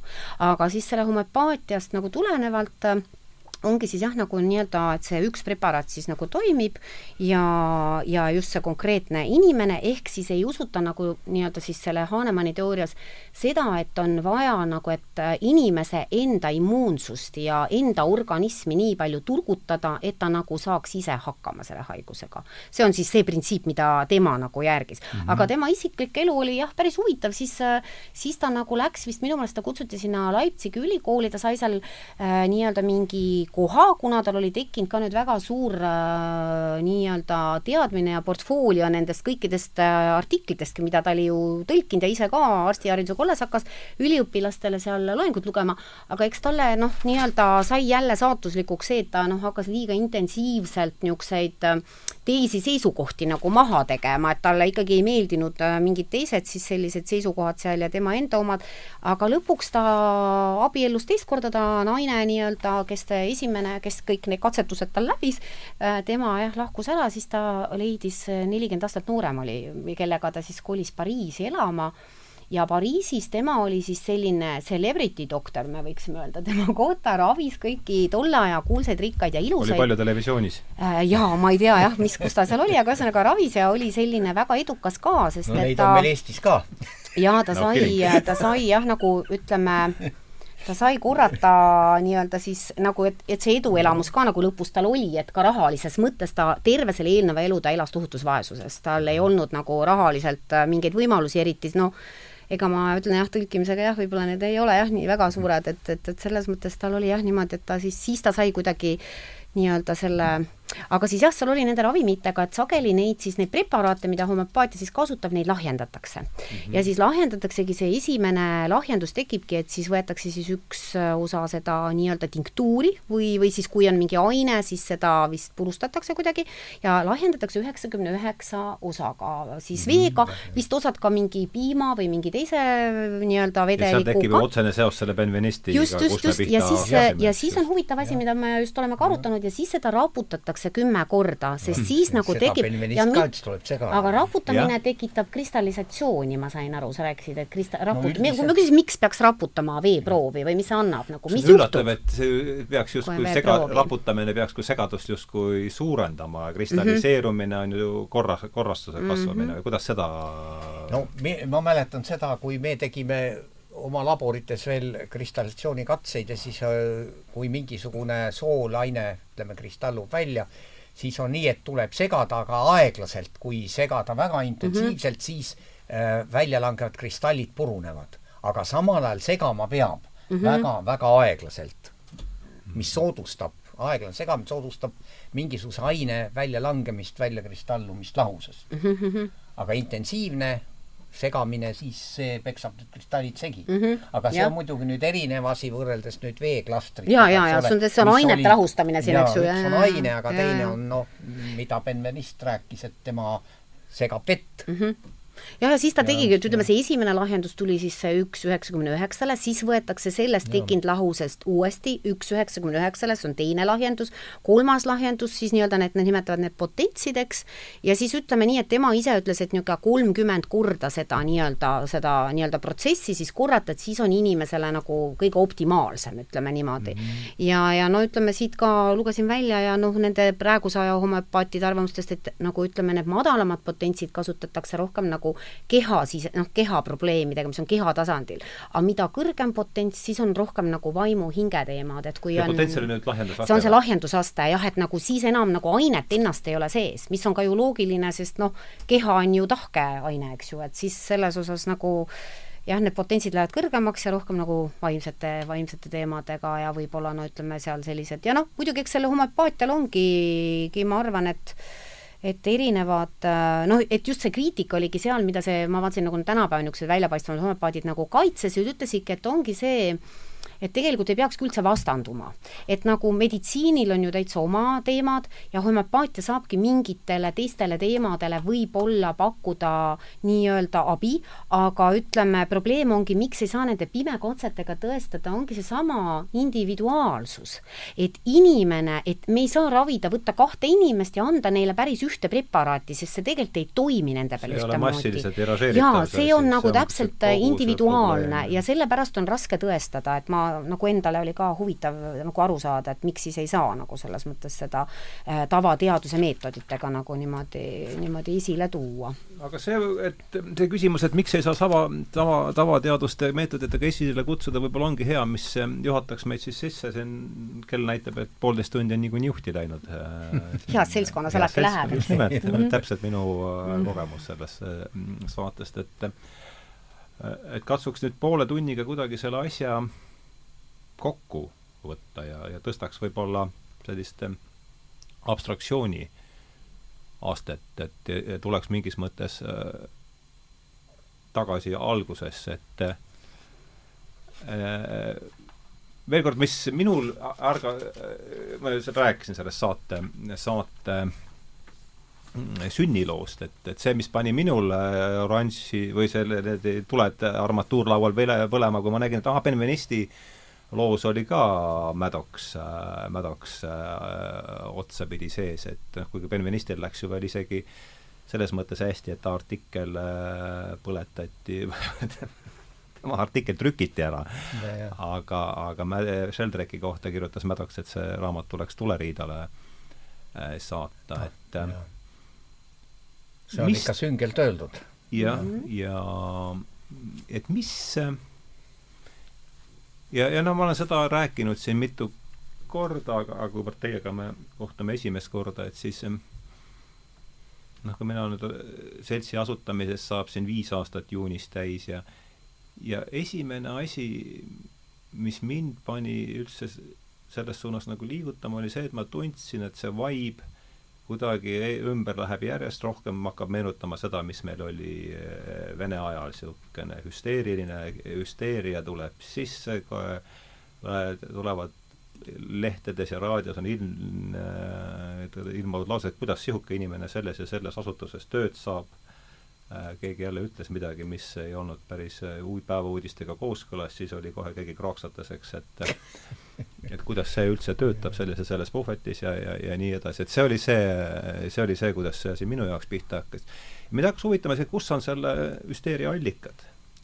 ja kui ma vaatasin, kui ma jõudsin seal Maddoxi rea-, reaktsioonini Sheldrake'i raamatus, mul läksid tõesti sinna niimoodi silmad suureks nagu tõllarattad, et vau, et et sel hetkel mulle tundus, et ma olen selle hüsteeria noh, allikale jõudnud lähemale, kui ma, kui ma varem olin, et ja nüüd, mida rohkem, ütleme kolm aastat olen ma selle teemaga siin tegelenud, ma hakkan niisugust aru, ma noh, kui ma oleksin dramaturg, et siis ma siis ma kirjutaksin mononäidendi John Maddoxi eh, sellest sisemonoloogist enne seda, kui ta oma juhtkirja kirjutas, kus raamat tuleks, eh, kus, kus ta siis Söderiki raamatu tahtis tuleliidale.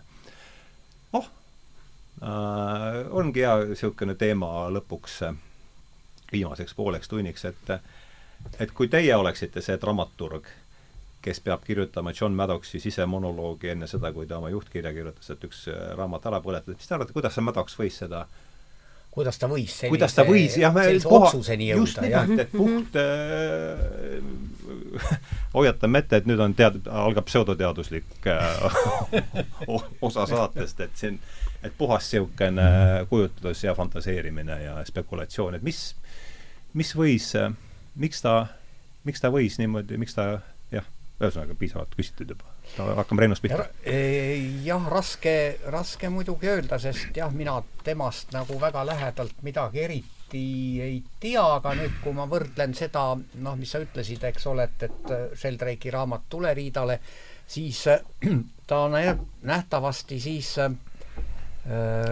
karmistunud selles mõttes, et äh, mis puudutab Benvenisti artiklit, ma mäletan, et selle kohta on kirjanduses mainitud et äh, kuigi nad läksid konflikti äh, kusjuures Sheldrak oli eespool kui primerist mm. -hmm. Sheldrak oli kakskümmend kaks, kaheksakümmend kaheksa, jah. aa, isegi niipidi. ta on läinud äh, si siis ahah, nii et ta ei ole läinud mitte karmimaks, vaid vastupidi, natuke siis tagasi tõmmanud. võib-olla Benveniste oli, ma ei taha vahele segada, aga võib-olla Benveniste oli siiski rohkem äh, peavoolus sees, noh, Tont seda teab, aga no, võib, aga võib no, spekuleerime jah. lihtsalt. sest, sest ma mäletan jah, lihtsalt tahtsin selle täpsustuse et, teha. Maddoxi kohta ma olen lugenud seda, mis puudutab Jacques Benvenisti uurimisi, ta oli jah, vastu mm, nendele seisukohtadele, aga siiski möönis äh, et ennem ei maksa Benvenisti, nagu öeldakse, maha suruda või mutta tampida, kui on tehtud need kont-, kontrollkatsed, mis siis toimusid umbes kümne aasta jooksul mm. -hmm. ta tegi nagu selle, selle möönduse, kuid mõistis muidugi selle artikli ja Benvenisti seisukohad hukka, ütles see, see on pseudoteadus, aga siiski va-, mainis, et no kontrollime, las kontrollivad sõltumatud laborid ja nii edasi mm. -hmm. ta ei ütelnud Benvenistile, eks ole, et, et noh, tule riidale ja artikkel ära põletada või niimoodi mm. -hmm. aga mis puudutab, ütleme, dramaturgiat, minul tuli üks teistsugune mõte hoopis veel, et mina teeksin filmi Aha. Benvenisti elust mm kui mina oleksin stsenarist ja, ja ütleme, režissöör, ma teeksin tema elust filmi selles mõttes, et Luc Montagnier kahe tuhande neljateistkümnenda aasta veekonverentsi pühendaski Jacques Benvenistile. Ja, ja veel, Montagnier on veel kord Nobeli äh, Nobe, Nobelist no, jah, ja, ja HIV viiruse kaasavastaja ja ta sellel konverentsil kaks tuhat neliteist nimetas äh, otseselt Jacques Benvenisti kahekümnenda sajandi Galileiks oh,. niimoodi lausa? see on mitmest materjalist läbi käinud, mida ma nüüd loetlen, jah kaks tuhat neliteist veekonverents, ta pühendas, pühendas selle konverentsi just sellele mehele, jah, Jacques Benvenistile. jah. ja no siis mul tekkiski küsimus, kas, kas, kas, kas Galileist on olemas film et Benvenistist võiks teha küll, kuidas, kuidas mees Galileist ma arvan, et on ja, ja, ja, ja, ilmselt on. aga ma arvan, Benvenistist vast mitte, kui võib-olla Prantsusmaal midagi, aga ei tea. ei tea. aga no ma ütlen, et juba mm. see tema saatus väärib tähelepanu selles mõttes, et ta oli niivõrd visa, teda suruti nii palju maha, ta elas üle kolm südameoperatsiooni ju, tal oli tohutu pinge all. ja ta oli tohutu Südam... karismaatiline, kas sa ta pilti ja, näitasid, ta oli ja, väga äh, nagu see, kes kirjutas tema sõber, ütles, et no, ta oli tohutu, jah, tohutu karismaatiline mees ja oleks mm -hmm. võinud milles iganes karjääri ja, teha, ta oleks olnud ja. edukas, aga ta, ta valis top, selle. nii, nii palju, kui ma tean, ta oli ikkagi immu, Prantsuse immunoloog, Nature'isse ei pääse ju iga, iga, iga vennik oma no ta oli ikka Rahvusliku Meditsiiniuuringute Instituudi töötaja, nii et selles mõttes täiesti respekteeritud ametikohal ja lugupeetud inimene ja kõik, aga aga siis, kui ta tuli, nagu ta ütles, et ma poleks pidanud oma katseandmeid näitama, ta oli üks tema selline lause, kuna tekkis niivõrd tohutu kriitika, siis ta vahepeal ka hakkas käega lööma. no ja siis tekkis kohe sõbra... küsimus, et kuidas saab selline tegelane selles kohas töötada. jah. ja tuli ju välja, et just, ei saanudki. et ei saanud. ja siis tõsteti joonest välja ja anti mingi kuurialune parkeplatsil, selle Insermi, selle uurimiskeskuse äh, parkeplatsil, ta sai siis ajutise töökoha mm. -hmm. ja muidugi kaotas peaaegu poole oma kaastöötajatest, aga kes olid tõelised sõbrad, need jäid teda toetama ja üks äh, siis füüsik äh, Jean-Pierre Petit kirjutaski kohe spetsiaalse sellise tema eluloo kirjelduse, lecture about äh, Jacques Benveniste. see oli see, mis sa vist viitasid siin saate alguses, eks? jah, see mul on kuskil selle lühendatud tekst oli, oli ka siin jah mm. -hmm. see on olemas ka internetis ja nii et kui ma seda kõike lugesin, mida ta läbi elas, siis ma mõtlesin, et täiesti, see on täitsa filmi väärt. teadus, teadusfilmi näiteks, teadusfilmi žanris huvitav. aga no mina ei, ei ole sattunud Youtube'is, ma ei ole ka nii palju jah ja,, ma mingit dokumentaalfilmi ei visanud mm -hmm. ette küll, selle ju ta oleks visanud, aga aga Mailis, ole hea, mis sina, kuidas äh, John Maddoxi äh, veel kord, oli ta John ikka, eks ole? mis on Maddoxi eesnimi? ikka minu arust oli Sir John John, John, John Maddox, eesnimi on John pikk, tal, jah. pikk, pikka aega siis Nature, Nature peatoimetaja, noh, võib siis äh, ma arvan, et see paralleel, et teadusmaailma paavst ei ole selles, ähm, selles kontekstis võib-olla väga, väga, väga otsitud. ja tema, Maddox ütleb ju sealsama ja ütleb BBC dokumentaalfilmis, et äh, Sheldrake'i kohta, et äh, Sheldrake tuleb mõista hukka samadel põhjustel, nagu paavst mõistis hukka Galilea või Galilei. et see on ketserlus. seda ta ütleb, Maddox no, ütleb otse mm. -hmm otse, otse kaamerasse, et, et mis, mis mõtteid sinus tekitab äh,, Mailis äh,, selline, see, kes sa oled sarnaselt minuga pseudoteadlane? jaa, mul on veel palju mõtteid, mida ma võin sinuga pärast omavahel jagada, mis mõtteid see minus kõik tekitab, aga siis ma nendest ei peatuks, nendel aga jaa, ma ütleksin niimoodi, et ma arvan, et kui inimene mõistab kellegi teise juures midagi niimoodi hukka, niimoodi, et ta tahab kohe tule riidale panna, ega siin ju väga palju erinevust selle nõidade põletamise äh, perioodiga ajaloost äh, no, ei hit, ole. Hitleriga ja, tüüpiline ja, sarnasus. sarnasus jah, et ikka kohe no, tule riidale ja niimoodi, on ju, aga ma mõtlen, et ma arvan, et see tuleb ikkagi selle põhjused me noh, et kust see tuleb, eks ju, no me ei hakka, ma ei hakkaks talle nüüd psühhoanalüüsi praegu Maddoxile tegema, aga ma arvan, et no, põhjused jah, et me seda saaks teha, aga ulatuslikult võib öelda, et see tuleb tõenäoliselt sellest, et see on mingi inimese väga ürgne hirm. et tegelikult see on niisugune arhetüüpne hirm lausa, selles mõttes, et äh, mis juhtus ju vanasti, kui sa ei kuulnud karja, kui sa ei olnud, sa olid välja heidetud, olid karjast väljas, no sa olid hukule määratud. aga tänapäeva ühiskonnas, kus inimene enam ei peaks, me ju pigem nagu olemegi väga individuaalseks muutunud ja võib-olla oleme selle karja fenomeni juba endast liiga kaugele lükanud, et sellepärast võib-olla mingil määral nüüd neid seisukohti tulebki rohkem välja, mis ei ole ühtsed või monoliitsed, aga ma arvan, et see on see ellujäämisinstinkt tegelikult temas, et, et tegelikult kas mina või tema, siis loomulikult ju tema. nii et äh, lihtne on ju ohverdada ikkagi kedagi teist, ennast ju ei tahaks tegelikult, on ju. et mina ise arvan, et see oli see tema mootor, see hirm ise välja heidetud saada. aga ma ikkagi mõtlen, et kuidas see nii on, et ei saaks nagu niimoodi edasi liikuda, et need hüpoteesid nagu võiksid olla, et need saaksid nagu arendada, edasi liikuda, sest ajalugu ju tõestab, et need hulljulged hüpoteesid ongi need, mis teevad selle kvanthüppe. sest seda muidu ei tule. muidu see on kõik selline noh, nii-öelda ma saan aru, üheplaanilisem see liikumine. aga see olekski nagu see kvanthüpe, nii et et mina nagu selles mõttes, et sellele tuleriidale mina valaksin praegu hoopis teise valemiga H2O-d peale, nagu ma Saaremaa tõlgenduses ja ütleksin selle kohta, et tema ise avastas, et et kui me võtame selle valemi, et äh, vesinik ja hapnik, et siis see H2 võiks olla tegelikult kaks osa tänutunnet ja üks osa armastust. et tema leidis nagu selle, et tegelikult ta tegi ka selle elektromagnetlainetega ka katseid ja ta leidis, et need, kuidas see mõjutab vett ja väga halvasti seal osadel juhtumitel ja aga kui ta oli nagu sinna eelnevalt saatnud nii-öelda peale seda muud protsessi tervenduseks tänutunnet ja armastust, siis see põhimõtteliselt uuesti lõi nagu need kristallid. teist pro-, proovis seda enam ei tekkinudki, sest see kristalli struktuur kuidagi seal sai mõjutatud ja ma arvan, et see armastus ja tänutunne jah, ega siin ei oskagi, ma arvan, kõigil on käia see oma tee ja see võibki olla mõnikord olla nagu tuleridal põlemine, et siis tuleb, siis tuleb seda armastuse, tänutunde nii-öelda H2O-d peale valada ja -hmm. ja tõusta ise selle kvanthüppega teisele tasandile ja, ja ma arvan, et see on see ühisväli, see on see morfne väli, mida rohkem on neid inimesi, kes teevad seda kvanthüpet, kes siiski näevad võimalust ka mingisuguses nii-öelda teise maailma integreerimises sellesse olemasolevasse maailma pilti, ütleme niimoodi, et mhm. et siis see, ma arvan, genereeribki seda muutust ja, ja, ja tekib ka nii-öelda võib-olla teaduse vallas selgemad ja selgemad äh, nii-öelda kooskõlad siis selle nägemusega, ütleme nii aga jah, ma arvan ise küll, et need hüpoteesid ongi, see on nagu kaljult vette hüppamine ja loodad, et ei pane peaga vastu kivi.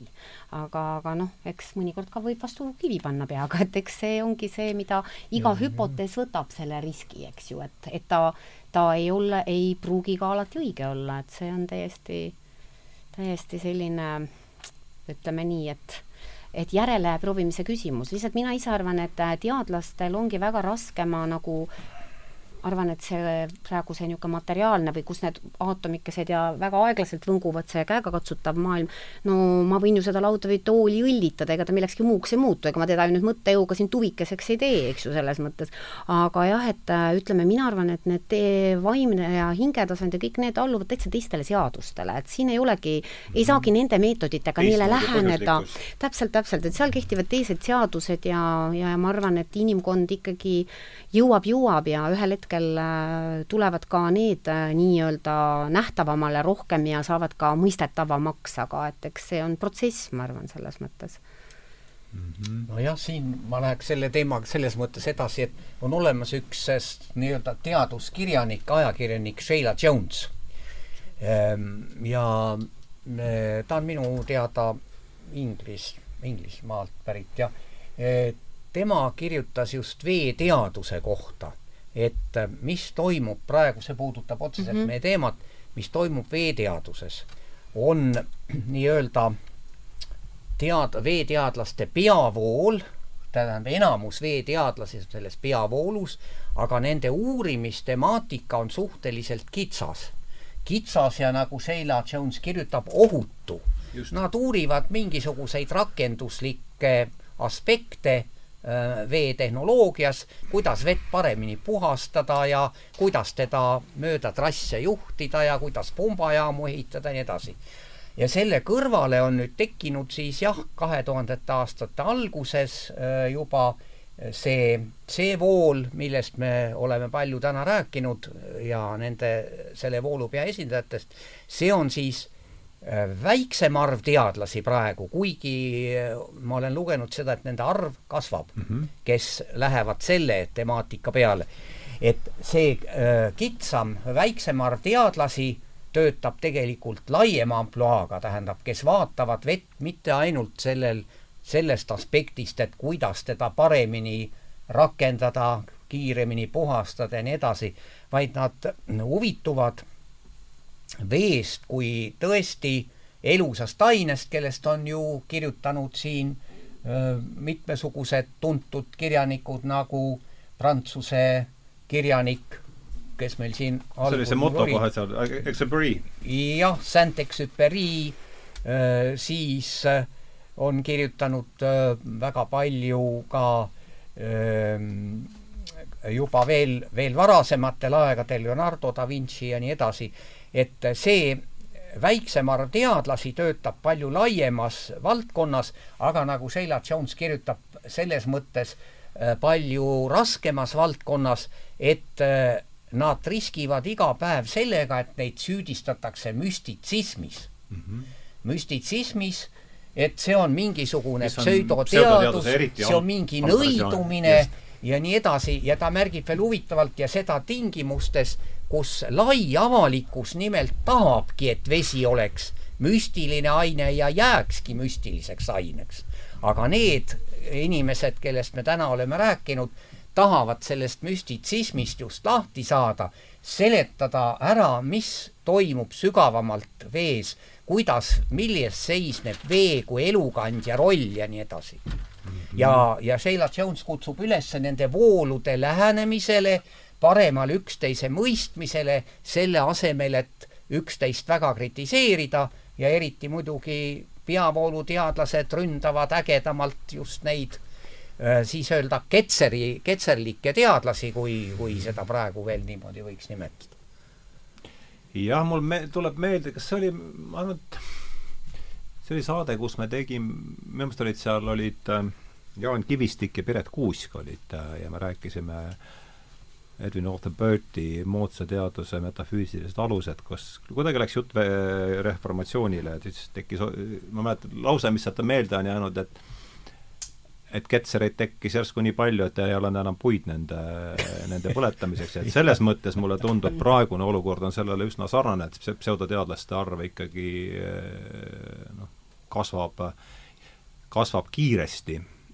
Ja ja ma arvan, et selle taga on just see, et seesama Youtube'i fenomen ja kogu see sotsiaalmeedia fenomen, et vanasti, kui meil oli ainult niimoodi noh, kaks kanalit, kus jorutati maha, mismoodi maailm välja paistab, et siis oli ka pseudoteadlasi äh, vähe, sest äh, noh, ei olnud ruumigi päevad ja päevauudistest, äh, päevauudistes kahelda, et et seetõttu minu kui pseudoteadlase prognoos on see, et pseudoteadlaste hulk, hulk, hulk kasvab, aga seetõttu tõenäoliselt tunne kasvab ka see peavoolu, peavoolu närvilisus.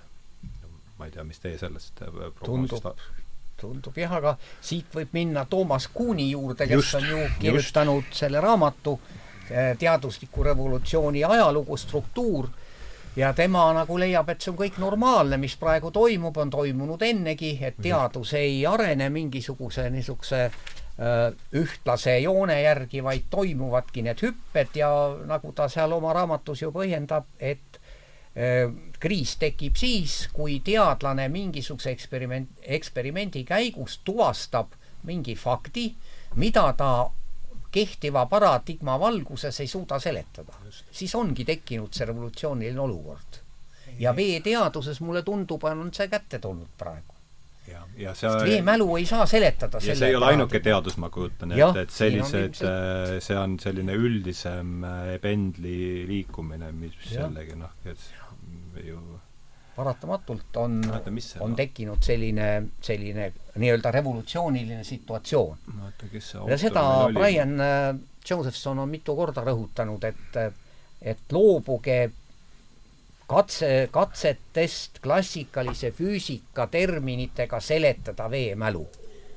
seda saab seletada kvantmehaanika seaduste põhjal ma loodan, et just tema selles osas viib edasi seda, neid uuringuid ja Luc Montagnier muidugi ka, eh, sest minu arvates, kui kokku võtta, siis tänapäevaks on vähemalt, kui ma ligikaudugi hindan, paarkümmend sõltumatut laborit on eksperimentaalselt tõestanud, veel on mälu, veel on mäletamise võime.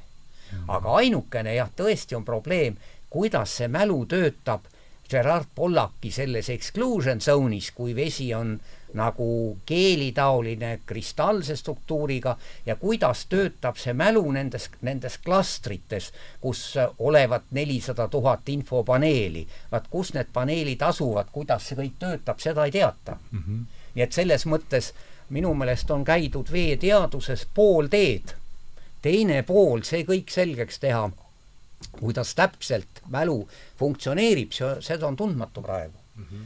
Selle tõttu ongi tore, kui need konverentsid kõik jätkuvad, kui need veeuurijad Äh, selles valdkonnas oma tööd edasi teevad ja ma usun, et kunagi tuleb see aeg kätte, kus selgitatakse, seletatakse ära ka, kuidas see mälu funktsioneerib, nii et tavaline inimene ei läheks hüsteeriasse. sest, sest praegu, praegu on ju nagu öeldud, räägi homöopaatia ja veemälu, siis tõusevad karvad püsti ja öeldakse, et see on laim ja, ja pseudoteadus ja lollus jah, just nimelt, et me, kui me tahame sellest seisust välja tulla, siis peaks esimene asi, et peaks suutma teineteisega rääkida niimoodi, et ilma peale esimest lauset kohe ei minesta. kohe ei minesta. esitada jaa, see oleks küll väga teretulnud. kohe ei läheks hüsteeriasse, need, ka need erinevad veeteadlased, kes siis üks on selles põhivoolus ja teine seal kõrvalvoolus, peaksid rahulikult suutma üksteisega rääkida, aga aga noh, kui läheb asi tasemele nagu Maddox, eks ole, kes ütleb, et lahendus on lihtsalt mittemeeldiv või ärritav raamat või artikkel tuleriidale saata, siis midagi head ei saa sellest tulla välja.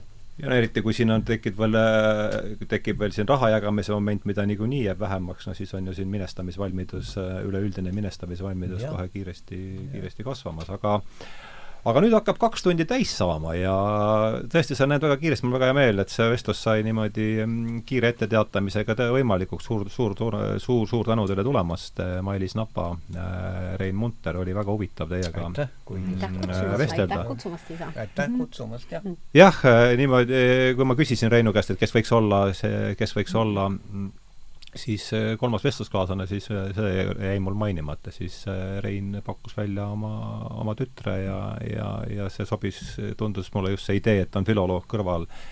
ja tal on niisugune ilus raamat. just nimelt, ja kes jah, ja, ja, ja on teemadega kokku puutunud ja vaatab asja teise nurga alt, et see tundus mulle ja. väga, väga mõistlik lähenemine. et seesama vaatenurga muutus minu arvates on siin see kõige, kõige olulisem aspekt võib-olla, siis tahaks päris lõpetuseks, mul ei ole, ma ise loen neid, loen neid äh, kindlis, et mul ei ole ette näidata, aga et võib-olla juhiks kahte, kahele tähele, kahele raamatule tähelepanu, seesama äh, Gerald oli ta, eks, Gerald Pollack ja The ja. Fourth Phase of Water, mis ilmus tuhat kaks, kaks tuhat kolmteist, kui ma õigesti mäletan. aga teine raamat, mida ma, mis on äh, romaan, ja ma nüüd ei leia tähendab, ei saa oma arvutisse.